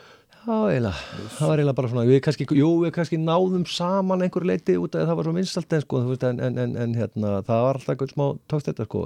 en þá var ég alveg búin að þú veist, svona, koma mér alveg þokkalega fyrir mig það að gera það var, svona, það var farað að myndast ákveði krát sem einhvern veginn var var að, að, halla sér til vinstri eins og þú myndi kalla það í, Ertu, í indíði, ertu þá ennþá í breiðholtinu það? þá er ég þá brjáltin, já, komin upp í hólana bjarga, Ek, ekki ertu í hólabrekku skóla eins og flest allir sem koma í þáttími og byrjaði í fellaskóla svo, eh, fyrst í fellaskóla og svo einhvern veginn svona var með bjargaði yfir í hólfurskóla áður en að, allt til glötunar. Það var, það var svolítið þannig. Uh, Höldum áfram og uh, næst er það uh, Do It in Tears for Fears. Og, og þetta er vantarlega þetta er uh, sko þetta er kannski næst í að vera mjög vinsælt og, og þekkt í dag af, af, af listanum held ég sem Já. þú býður upp á. Er sko, þetta var eiginlega samt svo næsta skref fyrir mig sko fannst mér einhvern veginn svona þetta var svona næsta sem ég kolfell fyrir og eftir djúran djúra það er svona um það leiti sko það er og ég- ég fór ekki yfir í Deepest Mode strax sko, það var ekki Nei. eiginlega fyrir en ég var komin í Gaggo sko, það var eiginlega ekki fyrir en á hérna Music for the Masses sem ég einhvern veginn svona tók þá þess að mér fannst, mér fannst, mér fannst, svo, mér fannst sko einhvern veginn, það, ég fyrirgaðum aldrei svona fyrstu lögin sko, Just Can't Get Enough of Love, mér finnst það svona mikla blöður sko einhvern veginn, svo einhvern veginn fór að reyna með tvær Ég- grímur með Black Celebration. Já, mm, býtu nú við, þetta er kannski eitthvað aðeins meira var í þetta heldur en ég held og svo, einhvern veginn, svo kom það sko. Já talandu þroska Já. vegna þess að ég fjall fyrir tífæst móta á, á, á Bro- Broken Frame sem er frekar erfið plata já, en uh, ég var búin að ákveða að halda með þessari hljónsveit vegna þess að þau spiluðu bara á Já. töff, svona tölvu eitthvað. Og þess vegna sko þegar ég fekk síðan að heyra Speak and Spell Mm. og heyrði Just Can't Get Enough ég var svo ánaður að þeir aktu gott lag. Og þar festi það sko Er þegar við voru komnir í barnapoppið þá var ég sáttur sko. Ef ég hefði þetta að leggja eitthvað undir þú veist um þú hver, hver af þessum böndum myndi lifa 20-30 ár og spila á einhverjum stórum leikfengum sko, þá hefði ég aldrei veðjað á Deepest Mode Nei. eftir, eftir Speakans Bell sko, eftir sko See You sko, þú veist þá ég hef aldrei veðjað að þetta, þetta, þetta varð ekkert mikið einfaldara tölvupoppi heldur en akkur þetta svo við fyrstu bötu sko. En það var alveg sjúklega melodist mm -hmm. mm -hmm. það, en eins og sé, ég hérna, ég hérna þannig að ég náði aldrei ég, þú veist, Hjúma lík var eiginlega bara derplatan sko en svona, svo alltaf fór maður að sapna djúran og svona það eiginlega Tears for Fears var svona fyrsta sem ég svona kolfitt fyrir sem var, svo, einhvern veginn var ekki þessu meiði, mér varst einhvern veginn aðeins meira fútt í þessu, ég sé aftur verið svona einhver svona brú yfir í indið sko, þó þetta sé nú myndir sent flokka sem indið þá, en þetta, þetta það, þótti, nú- heldur mikið í það spunnið sko þá, sko, sérstaklega sko eftir fyrstu, þeir eru náttúrulega svo reikala stórir eftir hérna sámsóðu byggt sérskólplöðina að þau, veginn, þeir eru bara einmitt svona einhvern veginn, það er reyndjófrældi einhvern veginn, en, en, en sko hörtingplata fyrsta, sko, hún, það, hún þótti bara mjög merkilega og fín, sko, og mér, sko, ég man að ég egnaði þess að tvær plötur saman. Hafði hringt inn og, uh, já, ég tók þátt í einhverju geturinn hérna á Rástöðu, ég held að hef- hefur hjá, hvað heit hann hérna, hérna Jón Gröndal það var krosskáta Já, krossgátan, þá Já. er mitt tók ég þá ég var alltaf ólinn þar sko. Og sem sagt vann einhvern tíman tvær plötur á eigin vali úr fálkanum löguvi Já, eftir að hafa einmitt ringt inn þú veist, 687-123 687-123 og maður var þjálfaður í því einhvern veginn að gera það nú anskuti hratt þannig að maður kannski betra hérna, já, þannig að þú veist ég hérna náði í gegn og vann hérna, hérna krossgátuna og, og sem sagt þessar tvær plötur eigin vali fór í fálkan strax á mándeginum og keipti báðar plötunar með for Fears og Hurting og the Big Chair og, og það sem eiginlega komið mest orð því að það var náttúrulega sjátt orðið vinsælt og, og eru bara vonstúrúlu og vantilega líka. Uh, og, og ég held að það séu, ég held að séu tvö ára á milliplattan, eða ekki 85 sko Songs of the Big Jú. Chair mér fannst Hurting miklu betri. Já, mér fannst, mér fannst miklu veginn meira, meira í gangi þar og mér fannst hinn var, var alltaf slípuð og það var eiginlega orðin of stór tónlistin fyrir mismekk og heels ætla og að svona. stækka hana sko. já, já, og á Ameríku. Þannig að eins og sé ég, ég, ég hlusta á þessar tvær plötur algjörli í dreb og, og hérna bara einhvern veginn eins og sé og mér finnst hörting frábær plata og mér finnst hún ennþá djúvillig góð Hún er Það rosalega góð. þetta er eina af þessum plötur frá þessum tímabili sem er virkilega hægt að hlusta á. Nákvæmlega Uh, ég náttúrulega heyrði fyrst Mad World sem að mér fannst stórgóðslegt svo kom Pale Shelter Mm. sem að mér fannst jafnvel betra. Þá fyrst sá ég myndaði Já, og uh, poppara lúk sko. Já, Róland með sitt skrýtna hár ég veit ekki hvað var að frétta þar en Kurt uh, vinnu minn var með hérna fléttað síta aftan. Já, hann var eiginlega með svona vísaf skotti já, hann var bara hann var með mörg skott Já, já, þetta var draumurinn, ég reyndi þetta ég, ég gafst upp eftir nokkra mánuði en ég ætlaði að ná Þú ætlar að taka þetta? taka fléttu, fléttu kostana sko. Ég þorði aldrei í neitt svona. Nei, nei, Ég nei. bjóði í bregðaldi sko, ég hef verið lam. Það er bara þannig. Að má má klíkunni. En þetta er eitt af hérna já, glimdu lögunum ef að við getum bara sett það inn að gæsa lappa en þetta, ekki, þetta er ekki stóra lagið á Nei, plötunni þetta er bara, það er þetta aldrei út af þetta er stórkostlegt lag, heitir Change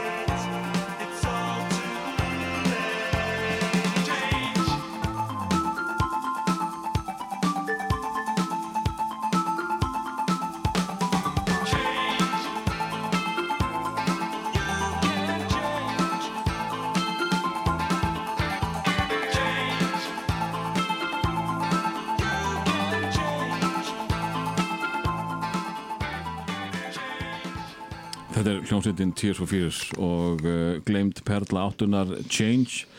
En uh, nú ætlum við að fara í einhverjar skrítnar áttir og ég, ég er ekki frá því að það séu margir þarna úti sem að hafi aldrei hýrt á þetta minnst. Og ég var, var gíful ánað með það skarpiðin þegar ég sá að þú ákvæmst að leifa þess að fljóta með. Vegna þess að ég held ég var að, ég viss að vísum einn en ég held að við varum tveir í heiminum allan á Íslandi sem að, sem að hlustuðum á, á sögu blúsins Já, sko, þetta er bara eitthvað af þessu sko lögum sem að, hérna, ég man, Þetta var ekkert spilað á Íslandi. Nei ekki neitt sko, ég man bara, ég, allir ég hef ekki heyrt það einu sinni, allir þetta sé ekki bara svona dæmi um eitthvað svona, þú heyrir eitthvað lag einu sinni. Og veist og ka kannski bara maður sé eftir kannski einhvern veginn, he- hérna, en maður einhvern veginn þurfti að vera svo duglega við að leggja á minni það sem maður heyrði og það sem maður kynnt og afkynnt vegna þess að þetta kannski, þetta moment sko var ekkert að fara að koma aftur, aftur, var ekkert að fara að koma aftur sko, þú og hversu, við ímyndað hvað, hvað maður heyrði mikið af tónlist þá sem maður hefur svona panikað yfir sko byttu, hérna, og einhvern veginn hefur verið að leita, þurft að leita lofandi ljósa og, hérna, og hvað ættum maður að leita, ég veit ekki sko, maður fór í plötubúður, maður örgulega að raula helvist lagið, til þess og, einhvern veginn að, einhvern veginn, og þegar að menn sko, þegar að tækifæni voru svona fá þá var þetta oftast einhverju sérþættir uh, oftast uh, skúli Helga og Snorri Már. Já, já, ef þeir afkynnt ekki lagið þá var maður bara í vondum málum það var bara lost. Þá var þetta bara búið. Og, og, og, og það gerðist alveg að það, ég man eftir nokkrum mómentum sko það sem að sko, ma ma maður gekk bara krein, gekk að göflunum yfir því að hafa heyrt eitthvað lag í útvarpinu og bara einhvern veginn sko einhvern veginn fengið á heilan, var orðið obsessed á því en maður vissi ekki hver var flytjandinn og það var ekki nokkuleg fyrir maður að- að koma staði þetta er í rauninni eitt af þeim sko lögum uh, að- sem einmitt ég heyrði og, og, og þá erum við komin á þann stað að ég er náttúrulega eins og sé ég, ég drakk í mig all, eins og við vorum að tala um að ég drakk í mig alla þætti sem einhvern veginn voru að spila nýja tónlist og eftir að Rástfö kom þá var maður orðin, maður var ótrúlega fljótur að vera mjög svona selektífur og einhvern veginn og kreisin á hvaða þættir sko hérna maður gútterað og hverju ekki og maður ég var náttúrulega mjög fljótur að það það var þannig maður, maður, ég, maður hlustaði alltaf á listapop og ef að lögin einhvern veginn komist inn á lista og, veginn, og eftir á higgja sko fyrirmunna að skilja hvernig í fjandanum hann Gunnar fór að því að finna öll þessi lög þetta, þetta hlýtur að hafa verið alveg svakalegt vesen hann fór í ferðir sjálfur þegar ég er búin að heyra, ég heyrt að lýsa það þessu sko. hann fór í sjálfur í ferðir til Englands það metnar var slíkur og, og byrja sig upp að smáskifum til þess að spila í listapappi sko. og veginn, það er ekki svo að það hefði komið hérna einhverjum bílförmum hérna, og þetta hefði verið senda okkur hérna, það hefði verið einhver beintinging milli RÚV og BBC þetta var miklu flóknar en það og hann hefði einhvern veginn eiginlega svona eftir að höggja það var bara einhvern veginn, sko, mann er fyrirmunna að skilja hvernig hann fór að að einhvern veginn að að bjóða upp á vikulega þátt þar sem að, að, að helmingur lagana voru glæn í. Mm ég var svo mikill aðdáðandi Gunnars að ég hlustaði á seifluþáttinans Þess að hundleðilega tónlist. En hann byrjaði alltaf þáttin á breakfast með, með hérna, Associates. Já, já.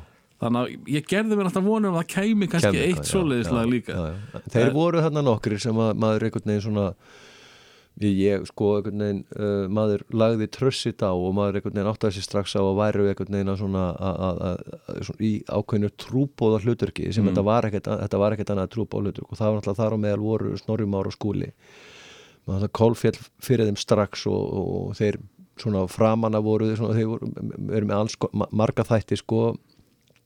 En, en þeir voru svona sko hérna uh, framar langflestum öðrum sko í, í því að reyna að kynna mann fyrir nýri tónlist og voru voru ekkert mikið eldri við. Nei, alveg fáránlega lítill aldrei sko 18, 19 ára gamli þegar þeir eru að sko bara fræða þjóðina um allt það ég besta. segi bara hérna, ég segi nú bara kút og stjórnendur hjá Rú að hafa Heldur lift þessum betur. pjökkum að og einhvern veginn treyst þeim fyrir þessu. Og bara hvernig datt þeim mitt í hug þeir voru, sko, gengdu, gengdu ótrúlega mikilvæg hlutverki og einhvern veginn, þeir, það, það er alveg fáralega mikið að tónlist sem þeir hafa kynnt fyrir mann og voru bara mjög sannfærandi líka í sínum, sko, málflutningi og einhvern veginn þeir voru að kynna þetta, einhvern veginn, maður bara kefti þetta alveg um leið. Mm. Þannig að, þú veist, uh, eins og sé, maður, ég veit ekki hvað maður á að byrja það, sko, þú en þú veist, annars allt indíið er náttúrulega, sko, þú veist, komið í rauninni frá þeim, sko, sérstaklega þetta, sko, þetta svona, það sem megin ströms indí, sko, það, mm það, það sem að, það sem að, þeir voru mjög dögleg við að spila allar þá nýju tónlist og ég held að þeir eru í stóran þátt í allir að indie tónlist sem var til dæla stór hérna heima. Já, það var, það var bara eini rástus að hlusta á. Það var ekki, það var ekki valkostur og ég meina, það- hinn valkosturinn sko hérna var síðan bylgjan og það var ekki fyrir sko þreymur ára síðan þannig að það myndast þarna ákveði skeið það sem að hérna, Þeir koma náttúrulega ekki strax í upphafi Þeir koma ekki Já, byrjaði þeir byrja ansi snemma með sko reyndarákuna svona þætti það sem þeir eru að kynna til söguna hljómsveitir. Eru með svona þú veist að rekja sögu hljómsveita en það er alveg ótrúlega snemma sem að þeir eru fannir að spila svona bara það nýjasta og ferskasta og veginn taka þannig einhverju leiti við af áfengum sem voru hann á rási eitt sko.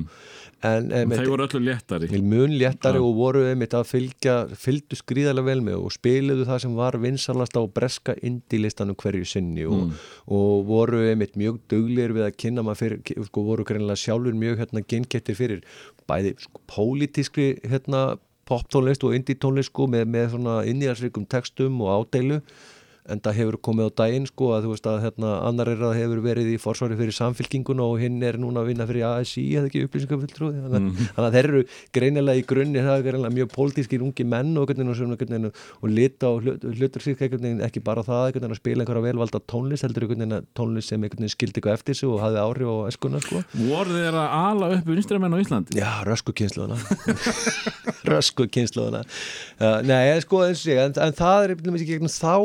Gunnar einhverju leiti þá kynnist maður til dæmis sko, fyrirbærinu fyrirbærinu uh, uh, sem sagt hérna gámanapop Já, uh, og, og, og hérna og, og, það, og það var hérna bara ákveðin kimi, þú veist, það var í, í aðra röndina sko, svona, upp á einhverju marki indie eins og voru þetta einhvern veginn poppara Já. mjög svona útvarsvænt og, og þannig maður rekur þetta til hérna Prífas Brát og svona þeirra sko en svo voru þarna eins og sé, svo voru svona indie-bönd og ég manna til hérna sapplutinni Breska Bilgi stórkosleg plata Jónatan Garðarsson þakkaði kærlega fyrir enn Og og aftur. skítöpuð á henni. Já, já, já, hún seldist ekki neitt Metnar að baka að ná í öll réttu lögin og þetta voru öll réttu lögin elsku Jónatan minn. Já, ég, hef, ég held að það er ekki einu sinni grætt á mér að ég held, að hún sé öruglega götuð platan mín sko, þú veist, með svona útsölu Ég, ég, ég, ég kefti hann að tvísar held ég þannig að- öruglega keft hann útsölu upp á höfða. ha, og hérna upp á höfða og, og það, þú veist, ég þekkti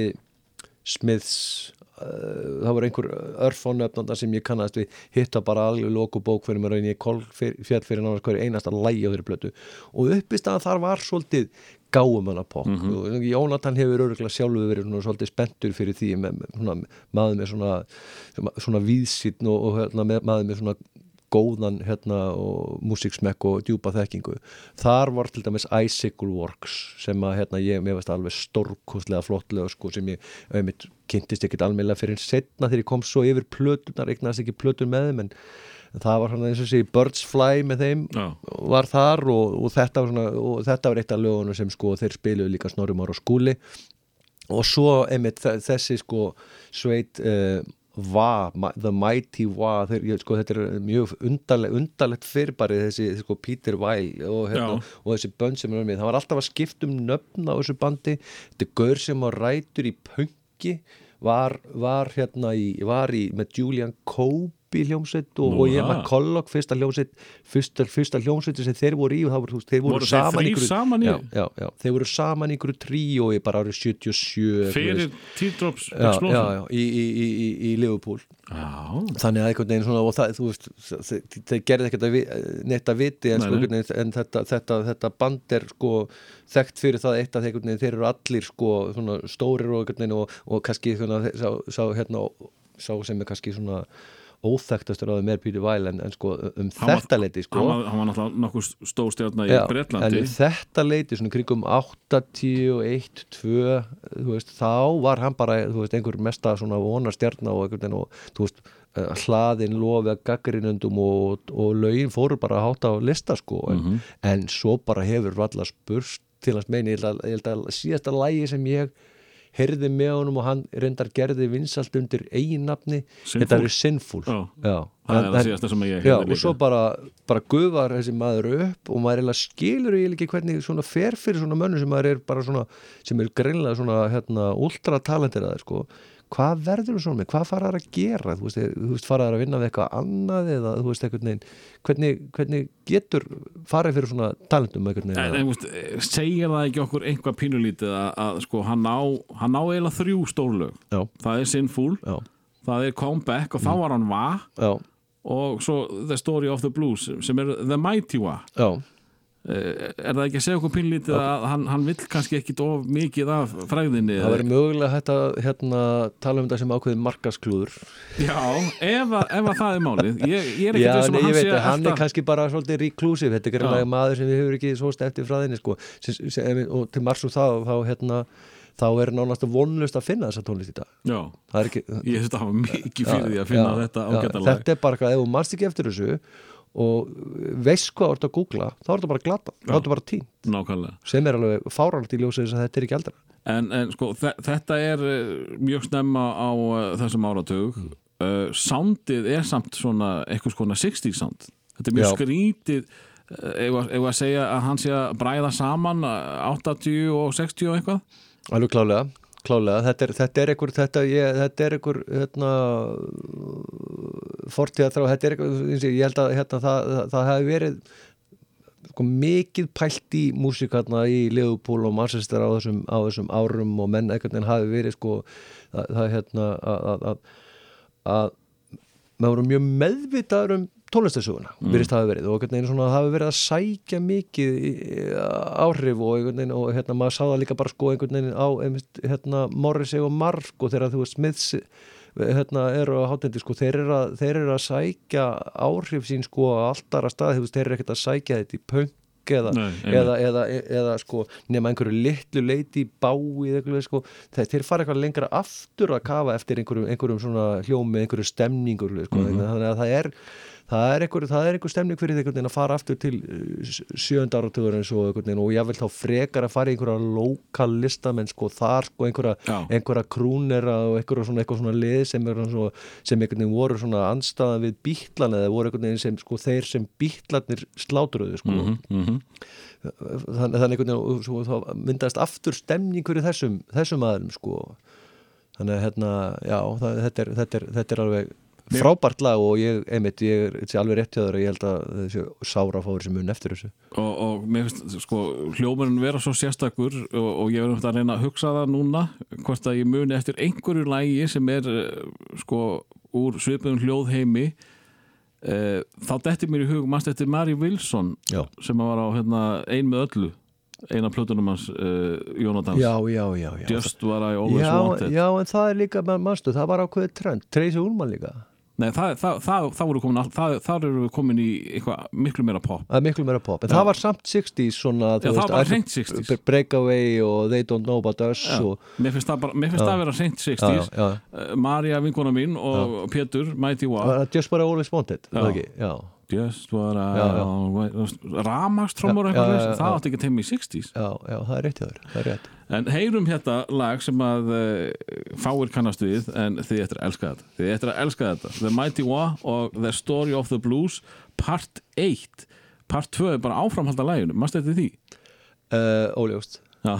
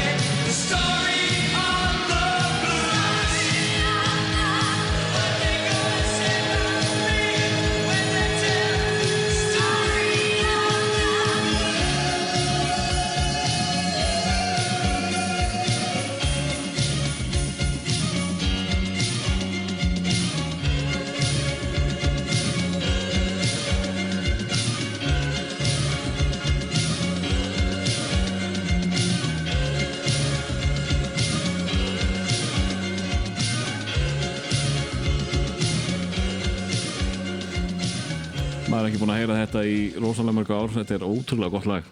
Alveg sjúklega flott sko. Ég, hérna, það er svona miklu starra, ég hef ég nefnilega búin að gleyma viðlæginu Nei. Ég man eftir svo veist, uppbyggingunni. Svo kemur svona ek, ekstra kröns. Já, þá, fórum- þá er bara komin í svona Phil Spector stemningu þetta, ég- þetta er svona late 60s svona, bara svona wall of sound eitthvað svona. Svo, svo bara það sem, veginn- það sem er bara svo svak fyrir sko, bara hérna hrikalega vel samin og flott og tilfyllingarík poplög. Já, með bara grípandi melodíu og það er maður fara aldrei nú að því maður Uh, og meðan við hlustum á þetta þá rifjuðu upp uh, hérna Kastljós þátt sem að hafði mikil áhrif á íslenska æsku vegna þess að það er eitt af þessum lögum sem að sko reglunar Kastljóst þátt Nei, sagði ég það? Já, var þetta fréttaskýringa? Já, Skonrock þáttarsangið uh, Reglurna voru þegar ég var að fá listana frá þessu ágæta fólki sem eru með í þessari sériu að þau mútu senda svona 15-20 lög svo ég geti valið úr ef að margi voru búin að velja þau sömu. Uh, og uh, ég fekk örgulega það voru flesti sem að sendu allan að 20 lög. Síðan voru við komum, konum með þetta sko, að leifa hinum að sjá og sko, fólk myndi bara skera niður sjálft. Og næsta lag var á ansi mörgum listum áður en að, niðurskurða nýfunni fór á loft. Lendi í niðurskurinn hjá öllum nema nema, Mér? nema já, þér. Nú, þá, er ég, þá er ég mesti aðdáðandi þessar hljónsveitar á ég held Íslandi. það. Ég held að sé ekkert margir að slást við um það í dag. Nei, ég, mér finnst það eiginlega bara frábært sko, ég ljósið þess hvað ég hlustaði mikið þá sko. og, og uh, þetta er plata sem var pressuð á Íslandi. Press á Ísland og ég þurfti mér þess að sko, fór í, fór í mér þess að smá sálgreiningu, þú veist, einhvern veginn, ég, mér oft svona, annarslægi svona, þú veist, það, sko, ég við kynna það fúslega, ég bara, ég hef nánast aldrei hlustað á þetta band síðan, sko, ég var bara tíu ára gammal, sko, þetta, það bara meikar engan sens að hlusta á þetta, sko. ég er að fara að hlusta á þetta núna Já, í fyrsta já, já. í öruglega 35 og ég er ár svona að reyna að reyna byrju, hvað, akkur, akkur er kolf fjallir svona fyrir, sko, ég á tvær plötu með þeim, sko, þetta eru tvær plötur? tvær plötur og báðar, sko, þú veist, þetta eru, sko, þú veist, og maður er búin að losa við mikið og sem mitt eftir ekki hugar að losa við þessar tvær plötur, enda sko eftir heitasti já, já, ársins. enda heitasti og hérna sko hérna þetta er sem sagt hljómsveitin Temple Tudor mm. uh, Gaurin sem hérna Edvard Tudor Pól uh, hann sem sagt hérna þetta er hljómsveit sem var stopnuð 77 var svona tók þátt í punkbylginu og voru svona einhverja samferðamenn Sex Pistols það miklir að hann sem sagt slær svo í gegn í hérna greita rock'n'roll svindl já, já. og hérna og, og, og, og er, er í þar í syngur hérna lagið Who Killed Bambi og er sem sagt leysir að þeirra búið eitthvað búið að reka sitt vissjus eða eitthvað, það er eitthvað eh, sett á svið og hann leysir hana, hann er tekinu bandi og hann, hann, öðlast svona smá svona fræði kringum það og allt þetta ruggli kringum Sex Pistols sem verður svo liftist um hver er þessar hljónsveit Temple Tudor og kemur þeim á díl held ég hjá Stiff rekord sko. Þessu, þetta, eins og hvað voru ekki Madness og Specials og Já, fleiri. ska já, já, já, og þau komast á, reikni, á hérna, samning þar. Og, og, og, og, og þeir stökkva þessi var á einhvern annan vagn heldur en sérst og nákvæmlega sama vagn til dæmis og Adam Ant gerði. Já, Adam. Ant var pöngari og Adam Ant sem var pöngsveit þangað til einhvern veginn svona þeir einhvern veginn hafa farið, í- ég held að Marko McLaren hafi hjálpað þeim til dæmis að bara hérna, sem hérna, þú veist, Görun á baki Sex Pistols sín tíma, sko, hafi hjálpað þeim bara búið að skapa nýja ímynd. Og þá er hjálpa og ekki hjálpa vegna þess að hann kom með hugmyndina fyrir Adam já, og stað hljómsveitinu um leið já, og bjóð til bá á á. Já, einmitt.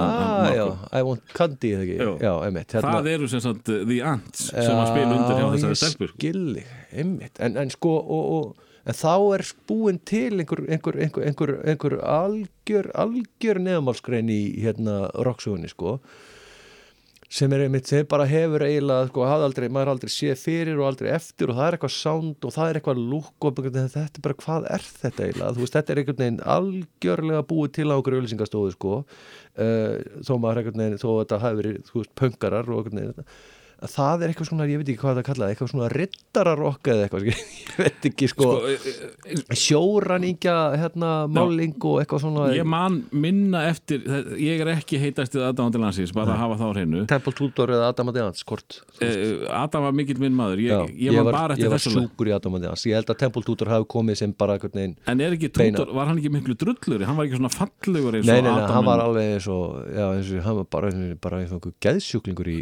og útliti sko, veist, maður, eða, hann spilaði sér alveg bara snar klikkaðan sko, einhvern, þetta er leikari. Já. hann hefur leikið mikið og, e, síðan þá sko og er bara, einmitt, einmitt bara, hérna, þetta, þetta, þetta var rosa mikið hérna, hérna sjó og sjónaspil og þeir var alltaf einhverjum búningum og komið fram á tónleikum í einhverjum brynjum og einhverju, einhverju þeir eru rosa þægileg. Mikið spænal tap í því sko, en þetta náttúrulega, þú veist, og þe- þetta er eitthvað sem einhverjum nýju, tíjar á pjakki fannst alveg meiri áttar kúl og, og, og það var mikið mi, miklar, miklar og stórar trommur og mikið, mikið hérna, hérna, hérna, hérna mikil stemning og wunderbar og mikið hópsöngur svona kalla Já, lag mikið fjallabræðra stemning í hérna viðlugunum alltaf eitthvað svona og, Er, er ekki annar lag sem heitir Wunderbar? Jú, jú, Já, jú, ok, það er á tvölu Já, ég held að sleit hafi stokkið á þennan gaur hérna þegar þið voru með hérna, Run Run Away sko. Já. þetta hefði svona svolítið í þeim feeling sko, hérna, eitthvað þannig að þetta er örugglega að verið örugglega mikið sungið og fótboltaleikjum og Einmitt. fótboltaböllin alveg stokkið á þetta sko. Já,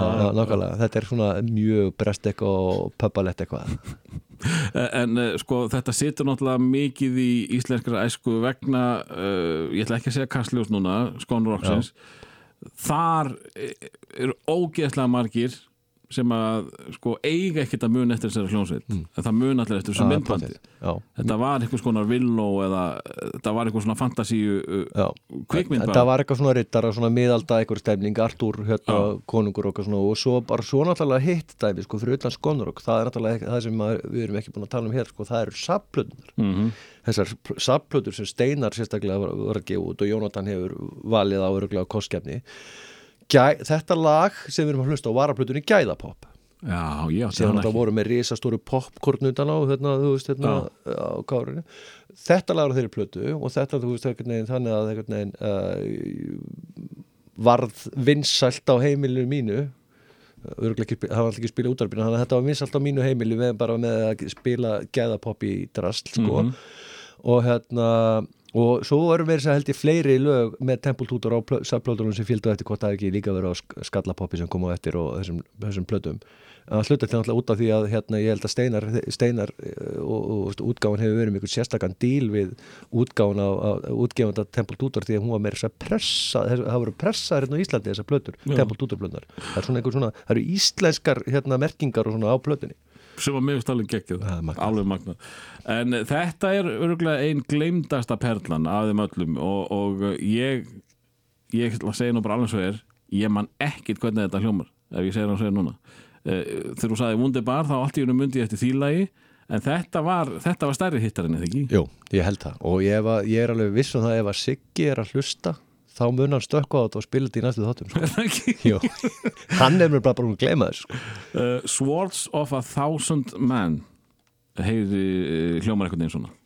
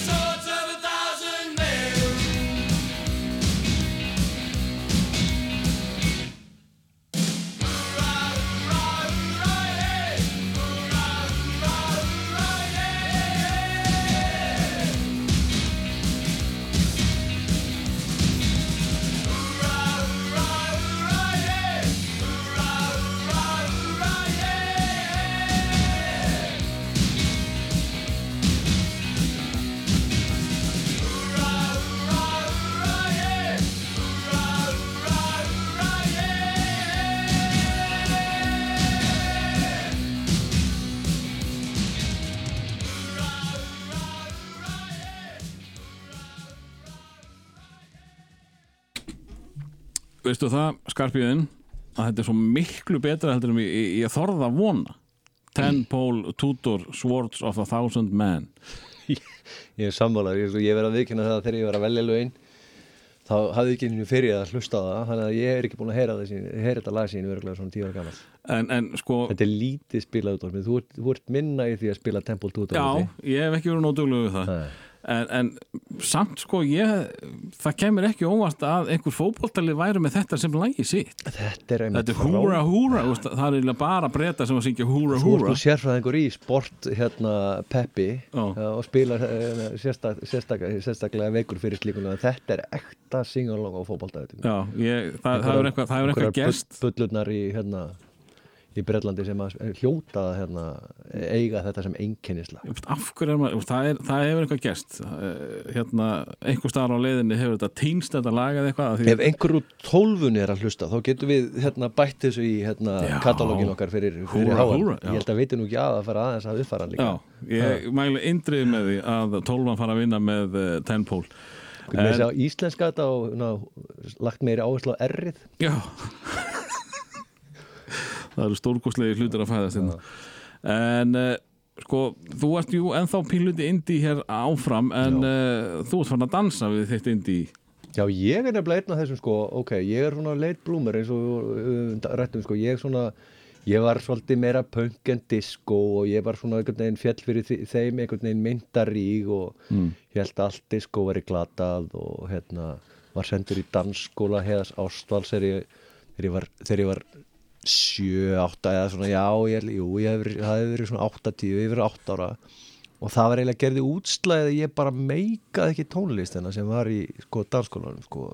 það var bara hands up, baby hands hvað, up. menna, hvað, nei, menna, það hefur kannski verið setja nei, það allir, menna, hvað, hvað, hvenær var Imagination, hvenær var, var Glimskrattin glimskrattin er var að velja 82 já, ég hef verið tíu ára. Já, platan, sabplatan Glimskrattin hún, var bara notuð út í eitt bara í dansskólanum, Já, það bara það. það var ekkert pla- ég fekk aldrei fyrir spilað. dansskólanum. Og ég bara meikaði ekki meira Imagination sko, og þó að svo eftir á ég hugsa sko, heyrðu, þetta var nú hann eitthvað fút í þessu. Það var, veginn- það var eitthvað áhugart við einhvern veginn einhverja, einhverja, einhverja rosalega fátaklega breska hérna diskósenu mm. þetta náttúrulega kom allt frá New York eða, eða, eða Þískaldi munn og eitthvað svona sko. Og svo var hérna einhver, einhver svona krútlega bresk sena uh, og svona eftir á hekja var það svolítið flott og ég mér er að, hérna, að hugsa sko, mér er hugsað til hérna mannst eftir frístalkettminni sem var sínd í sjónvarpinu og það var, það hérna, var eitthvað dæmi sem slóði gegn, það var alltaf það var hérna notuðu ykkur tónlist hérna Born to Dance það var, það var notað í hérna, heimsmeistara Já. keppnina í Já, diskodansi nákvæmlega, sem var sínd Já, sem- og það var einhver Íslendingur sem var keppti. Og þetta er, Geggjalag. já, geggjalega, hefur þetta verið, nú- var, hefur ykkur búin að velja þetta? Nei, það Nei, er, það þarf ykkur að gera það. Það er vonast að finna, ég er búin að leita því. Ég, ég, ég verð ekki sá, ég ætla ekki að gema út fyrir að vera svo sem valdi disko Nei, sko, en ég, meina, ég er svona leitblúmer þannig, þannig ég var svolítið á þeim stað uh, sem unglingur eða svona, já sem ungur unglingur að ég svona, ég kefti ekki danstólist almennlega fyrir en sko með tilkomu New Order og bara Blue Monday og Mm. þá einhvern veginn upplýði það bara hérna, þá einhvern veginn hérna, Alveg orðinn 11 ára gúdderaði- gamall. þá gútteraði töffarinn í mér sko, hérna, þú veist, að, já, ok það er kannski lægi að fíla tónlist sem að hægt er að dansa við mm.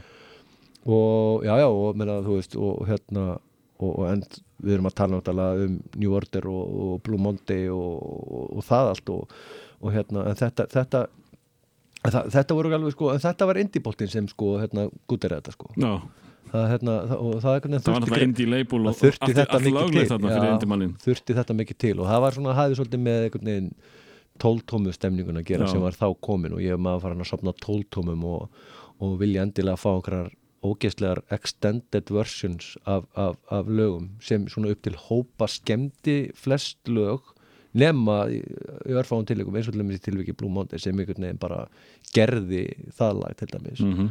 og, og, og, hérna, og einmitt, það er nú einmitt ein- einhver sér kými af sko popsögunni eða rocksögunni sko þessi tóltómu þetta tóltómu tímabil. Já, ég vil nú að tækja fyrir að þakka fyrir að sína þessa sænsku þætti saman á baku lægið og, fá hérna svona beint á kunni loksins alla leið eh, söguna bakvið þetta Blue Monday æfintýri Já, er ekki, er ekki, er ekki, er ekki Blue Monday ennþá mest selda tóltóma sögunar eða eitthvað leys? Já, það og, svo og það verður ekki toppað af því að það er enginn að kaupa tóltumur í dag. minna, Já, minna, en ég, við gerðum svolítið af því, Dotti já, sérstaklega eftir maður gerðist plötusnóð það, var maður, það er engin plötusnóð með plötusnóðum öðru svona eiga fullt af tóltómum þetta er svo, þetta er svo rosalega verðlöst í dag.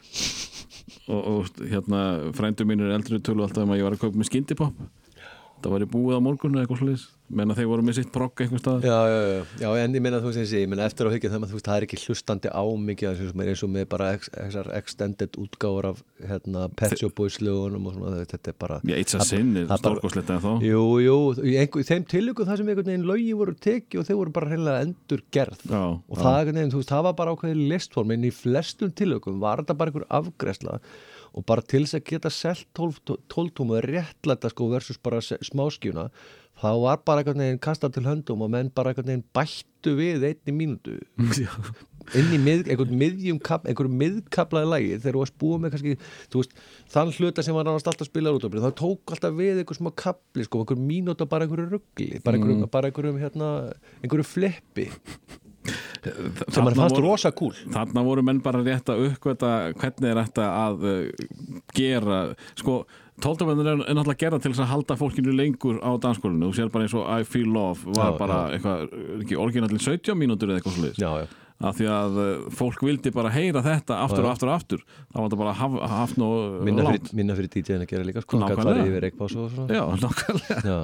Nei, en, en sko, þú veist bara eins og dæmi með, eins og með New, York, New Order sko, að þú veist að hérna uh, smáskífunar þú veist, það voru bara aðra það voru upp til hópa aðrar úgáður af lögunum á smáskífunum og tóltómanum heldur um voru á svo elbiblötunum Mm. sko. þetta var nánast ekki sama lægið þú veist, þá er, þá er lægið unnið áfram og búin til einhvern dansvætni útgáðu upp úr því það er svolítið skemmtileg skemmtileg, hérna, skemmtileg kultúr svona hvað það var þar að þú veist að, hérna, að, að, að það einhvern veginn að, það, maður gætt svona valið og hafna og svona te- tekið smá debatt um hvor útgáð er betri, allavega í þeim tilöku þessum menn einhvern veginn virkilega nálguðust lægi þannig einhvern veginn það var ákveðið að búa til dansvætni útgáð en ekki bara eitthvað tegja lópa E- eins og þetta var í, í mörg ár þegar ég var að kaupa með Deepest Mode þá fekk ég sér sett stóru plötuna frábæst hlustað hana svo var að býða eftir þetta Remixon Já, nákvæmlega, það var þannig. og nóg til þar.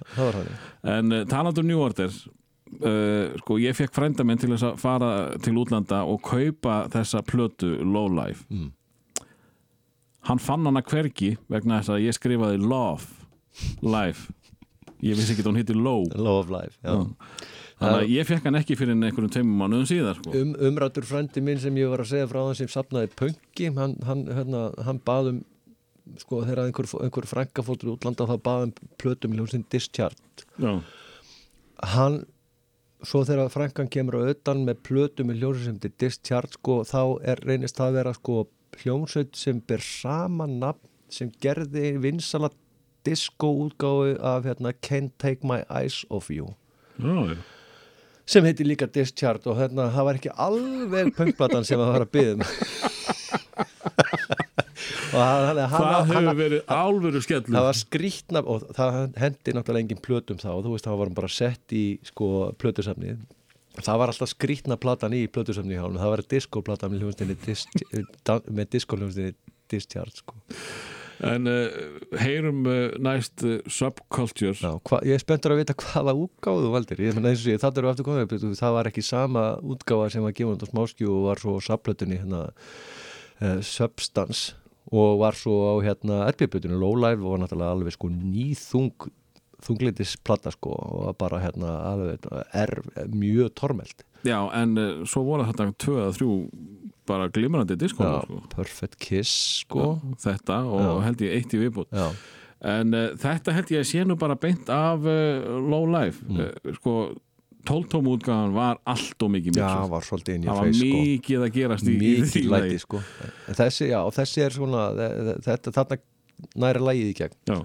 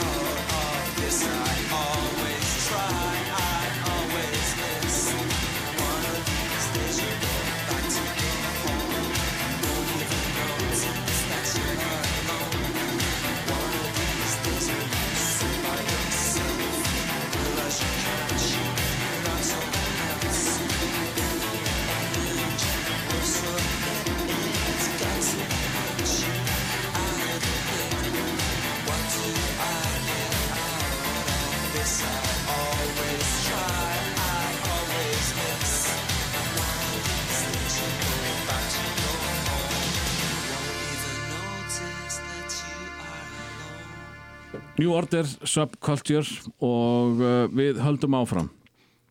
Og núna förum við í, í alvöru efni og við komum smá gelgju veiki sko og orðið svolítið hérna uh, svolítið upptekin af svona þingri tónlist. Ég tengi náttúrulega Japan og, og, og þegar þú tala um alvöru tónlist þá áttu væntarlega að tala um Japan Þóruður mm uh, ég tengi það náttúrulega fyrst og fremst sko ég, sko ég kynnist Japan í gegnum David Siljan Já. og í gegnum sko en, en heyra þeim í gegnum Duran.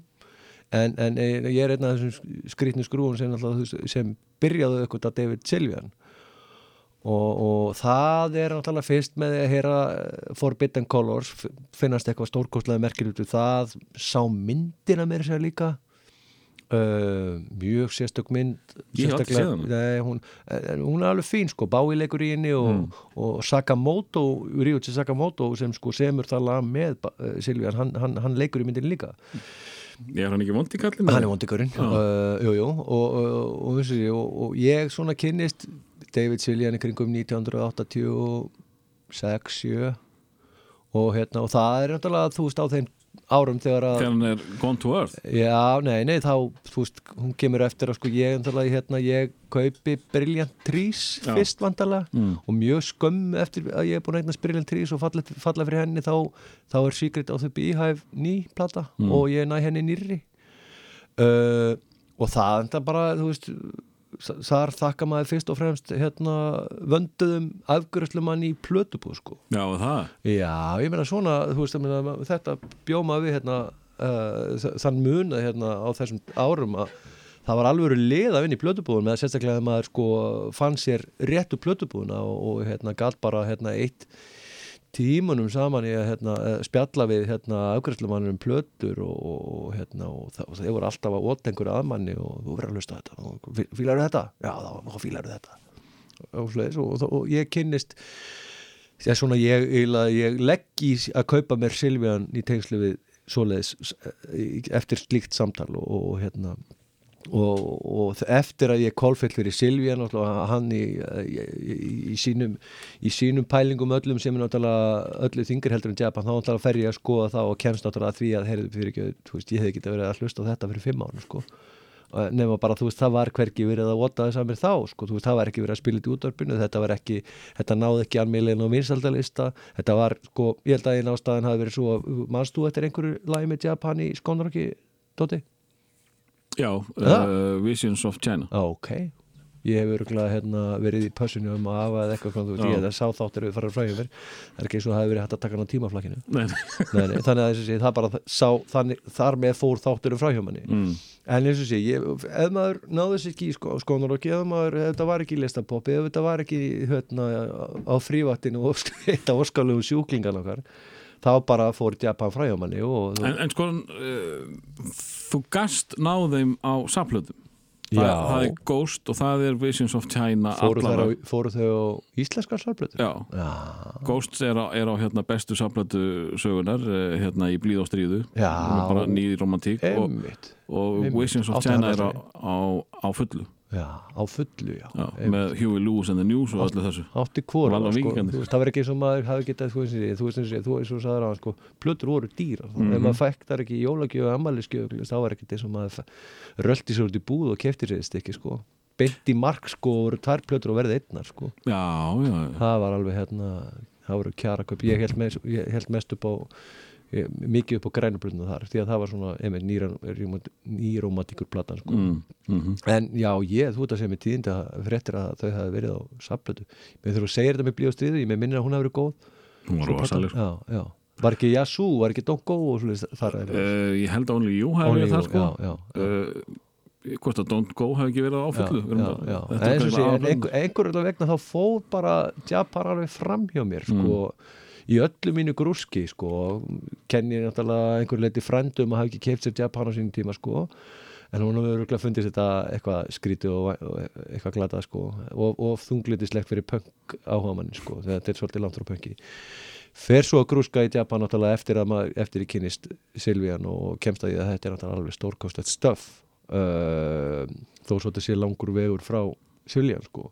En þetta er eins og sé, ég meina þetta, þetta rýmar svo við hérna til dæmis bara hérna fyrstu sérstaklega fyrstu plötu djúran sko, sem alltaf hafði þá verið búin að hlista á við drasl sko, þetta var hérna og, og mikið, og mikið Roxy Music og ég alltaf var þá farin að um þetta leiti var ég líka að fara að söka mér á New Roxy Music og bara en ferri og þetta sko að, að hérna, að, að, ég, það er ekki að lá- láta þetta flakka með vegna þess að þessi Japan er ekkert á allra vörum í dag sko. Nei Það er þá aðalega þessi tenging uh, við Djúran já, af því það eru fáið sem að pæla í David Silvian í dag. Þannig að djúran lifir alltaf og uh, það er þá helst það hvernig urðu djúran að djúrani uh, náttúrulega þeir reynda að fá Silvian til þess að pródúsera fyrstu plötuna og hann saði nei takk. Hann alltaf var að vinna með það að það var svo erfitt að vera svona fallegur og, og svona, já, svona hérna, talented. Hann, hann átti allt og létt með að búa til sko, vinsæl og, og, og svona smellapopp og hann þóldi það ekki. Það ekki. Það var mjög erfitt fyrir hann að, lifa þennan tíma sko. Enda, enda syngur maður um allir dag. Nei, hann er bara hann, sko, hann vil vera svo rosalega avantgard að, að, að ef einhver segir heyrðu, þetta er bara fínt hjá, þér", þá bara að ég hættur. Mhm. ef, ef einhver segir þú ert flottur tónlistamöður þegiðu fíbl Já, en ég, ég held að að ég væri, þú veist, og ég held lengi vel að ég væri eini hérna unnandi David Siljan á landinu, sko. Því að eins og sé, það var engin í kringum, það var Já, engin ég- í breðoltin að hlusta David Siljan og ég, Ég held að þurfa að vera svolítið skrítið til þess að vera með vinum, vinum, sko, sko vinnir mínur á báðum kynum held ég væri bara eitthvað geðviku þegar ég var farin að hlusta David Siljan og bara höfðu, áhugir af mér, sko. Þetta var svo mikið, var mikið þunglitis krapp og það, þegar ég var að reyna að laumi sig að, sko, í útilegum eitthvað svona, sko, Mm. það bara er bara, nú, mér var alltaf sagt upp þá sko sem, Já, það var sem- engin stöðulega með sem gildi. Nei, er, þau eru fá sko. En þau voru stöðlögin með Japan og þú hefði kannski betur átt að skella þeim. Ég hérna sko ég, ég, ég kynntist Japan aðalega í gegnum á fullu Visions of Tenna og, og svo egnaðist ég Tindrum sem mar margir telja þeirra bestu plötu, ég er ekki endalega sammála því en það er svona svo plata sem er næst því sem að David Silvian fór síðan að gera. En ég elska pop Japan ég er jafnvel á því að það sé bara það besta sem til er í heiminum. Og þetta uppgötaði ég svona 25 árum eftir þið hætti já, já, þetta er svolítið svona. Ég, ég, og bara mikið, interneti sem gamur þetta. Ég var að hlusta mikið og þetta er mitt sko svona kringum 87, 8, 9 Já, ég var að hlusta þetta miklu setna Já, ok. miklu Ok. setna ég er náttúrulega, þá, þá þurftum bara að komast í þessa plötur en með internetin þá bara var nóga að loksins þegar maður komst fram hjá Japans land, landsleitinni og fór á hljómsveitina Japan þá bara opnuðust allar hýslur að endalust til svona mitt. reyrit í stöffi og Já, það er sko, sko, það er einmitt annar kemur, sko, veist, maður fekk einhverjar vísbendingar frá, hérna, frá, frá, frá þessum, hérna, elskulu afgjörslumönnum í plötubúðunum sem hefðu svona, svona unnu við það að geta hlusta allar plötunar í búðinni, sko.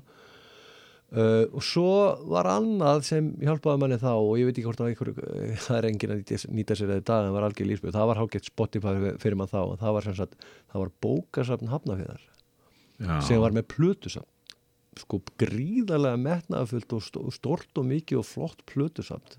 Fórstu þá úr breyðholtinu í Hafnarfjörðin til að ná Já, þér í Já, það var bara þannig. Og þú veist, og, það, ég var alltaf einhvern veginn le- leitað einhverja leið til þess að gera þetta hérna þegar ég var, þegar ég var hef, með afbyggu við Hafnarfjörðin og ég svona einhvern veginn fekk fóröldan til að koma við á bókasafni þannig ég get lekt með plötur og það bara þú veist með bókasafskittin og þú bara gast, þú veist, lekt einhverjar 5-10 plötur í einu og, og það var ekki svona í njárvík hál, hálsmána og þú gast verið með þér í hálfa mánuð. Já, og ég bara, ég bara gjör svona riksuða þau upp allt bókasafni magna og svo eftir ég fekk bílpróf þá held ég bara áfram og ég var eiginlega stundandi þetta bók að plötusamt hafna fyrir alveg sko þannig til ég var komin á þrítusaldur sko að, hérna, ég bara einhvern veginn drakk í mig allt sem var þar. Og þar með, þannig komst maður yfir bara heyrir katalógana af, af hérna af efni. Og, og var sem sagt gæða stöf til? Gæðastöf, alveg ótrúlega mikið og gott safn að, hérna, af, af tónlist. Og einhvern veginn þar ég manni ég spændi gegnum einmitt allt proggið þar og allt Genesis og allan Gabriel og þú veist einhvern veginn það bara einhvern veginn ná, náði ég bara einhvern veginn, einhvern veginn að kynna mér þetta allt, allt til að stofi og þetta er einhvern veginn bara eh, fyr- fyrir manni þá var þetta náttúrulega bara eins og Spotify fyrir, fyrir, fyrir, fyrir fólki í dag sko einhvern veginn að þú, einhvern veginn, þú veist hlaðborð, hlaðborðið er slíkt að, hérna, að, að þú hérna veist ekki hvað, hvað, hvað, hvað er út að leita sko. Nákvæmlega. Uh, ég mun aldrei skilja af hverju þetta lag var ekki vinsælt. Þetta er hljómsveitin Japan og lag sem heitir Quiet Life.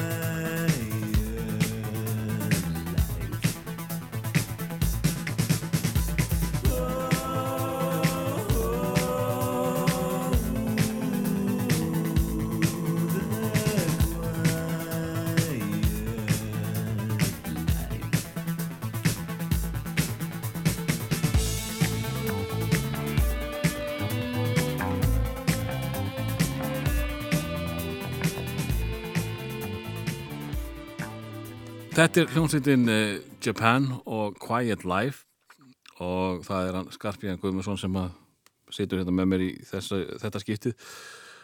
Og þú ert að enda á, á einhverju sem er svo rosalega mikið látt að þetta er bara 8-5 Já, en ég hef aldrei heist átt að minn já, nákvæmlega. Ég, Sko, áður en að lengra er haldið, þá, þá verði ég að taka það fram vegna þess að það, ég veit að það eru þarna nokkru nördar að núti sem munu gera aðtóðsend, ég nenn ekki að hérna, fá það yfir mig sko er að, að, hérna, að við skulum hafa klikkað svona ríkalega sko. Þetta lag Quiet Life hljómar alveg eins og sé frá áttunni, þetta er frá 79. Þetta er Við, 79 við erum meðvitar um það, ég veit bara svona því að núti, þú veist, ekki reyna þetta. Og þið viti hverju þið eru. En já, hvað segir þú? Kristinn Pálsson. Já, já, já, og aðri sem byrja að ká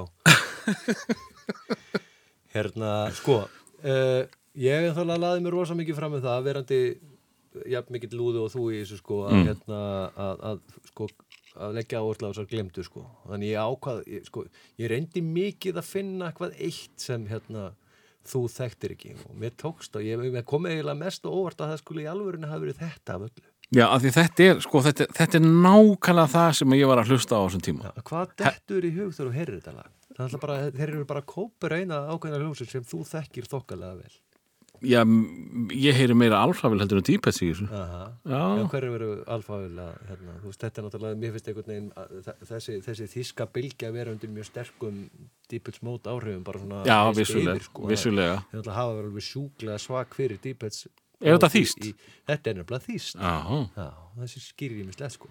Þessi hljómsveit, hún er ennþá starfandi. Já, já, búin að vera, ég hérna tekka þess á henni að ég þetta er, minn, nákvæmlega eins og við vorum að tala á með Silvían, sko, þá einhvern veginn var það bara, hérna, hann steppi í, hérna hvað, allir hún hafi hitti steinar eða allir hún hafi, búið, hafi verið búið að skipta um nafn og hérna, músík og myndir Mm. þá uh, á Rauðarástík Já. ein af betri búanum þeirra, sko, hún var þar hérna, við hlem og, Samt frekar lítil eða ekki já, til dælulega Ég fór þangað í starfskynningu Já, já, sko, að- nei, hún var bara bísna stór, sko, hérna, og, og, hérna, og það var, það var svolítið svona, það var svolítið heifinn, það var svona, svona atkvar fyrir okkur, sko, sem vorum að grúska í Mission og Sisters of Mercy og Það er engin búin að fara þangað Þessi, það er engin búin að fara þangað. Ég, hérna, hendi einu með All About Eve sem svona möguleika, sko, Mm. Uh, það er engin verið það, í svona, í einhverju, einhverju gothi, sko. sem- goth.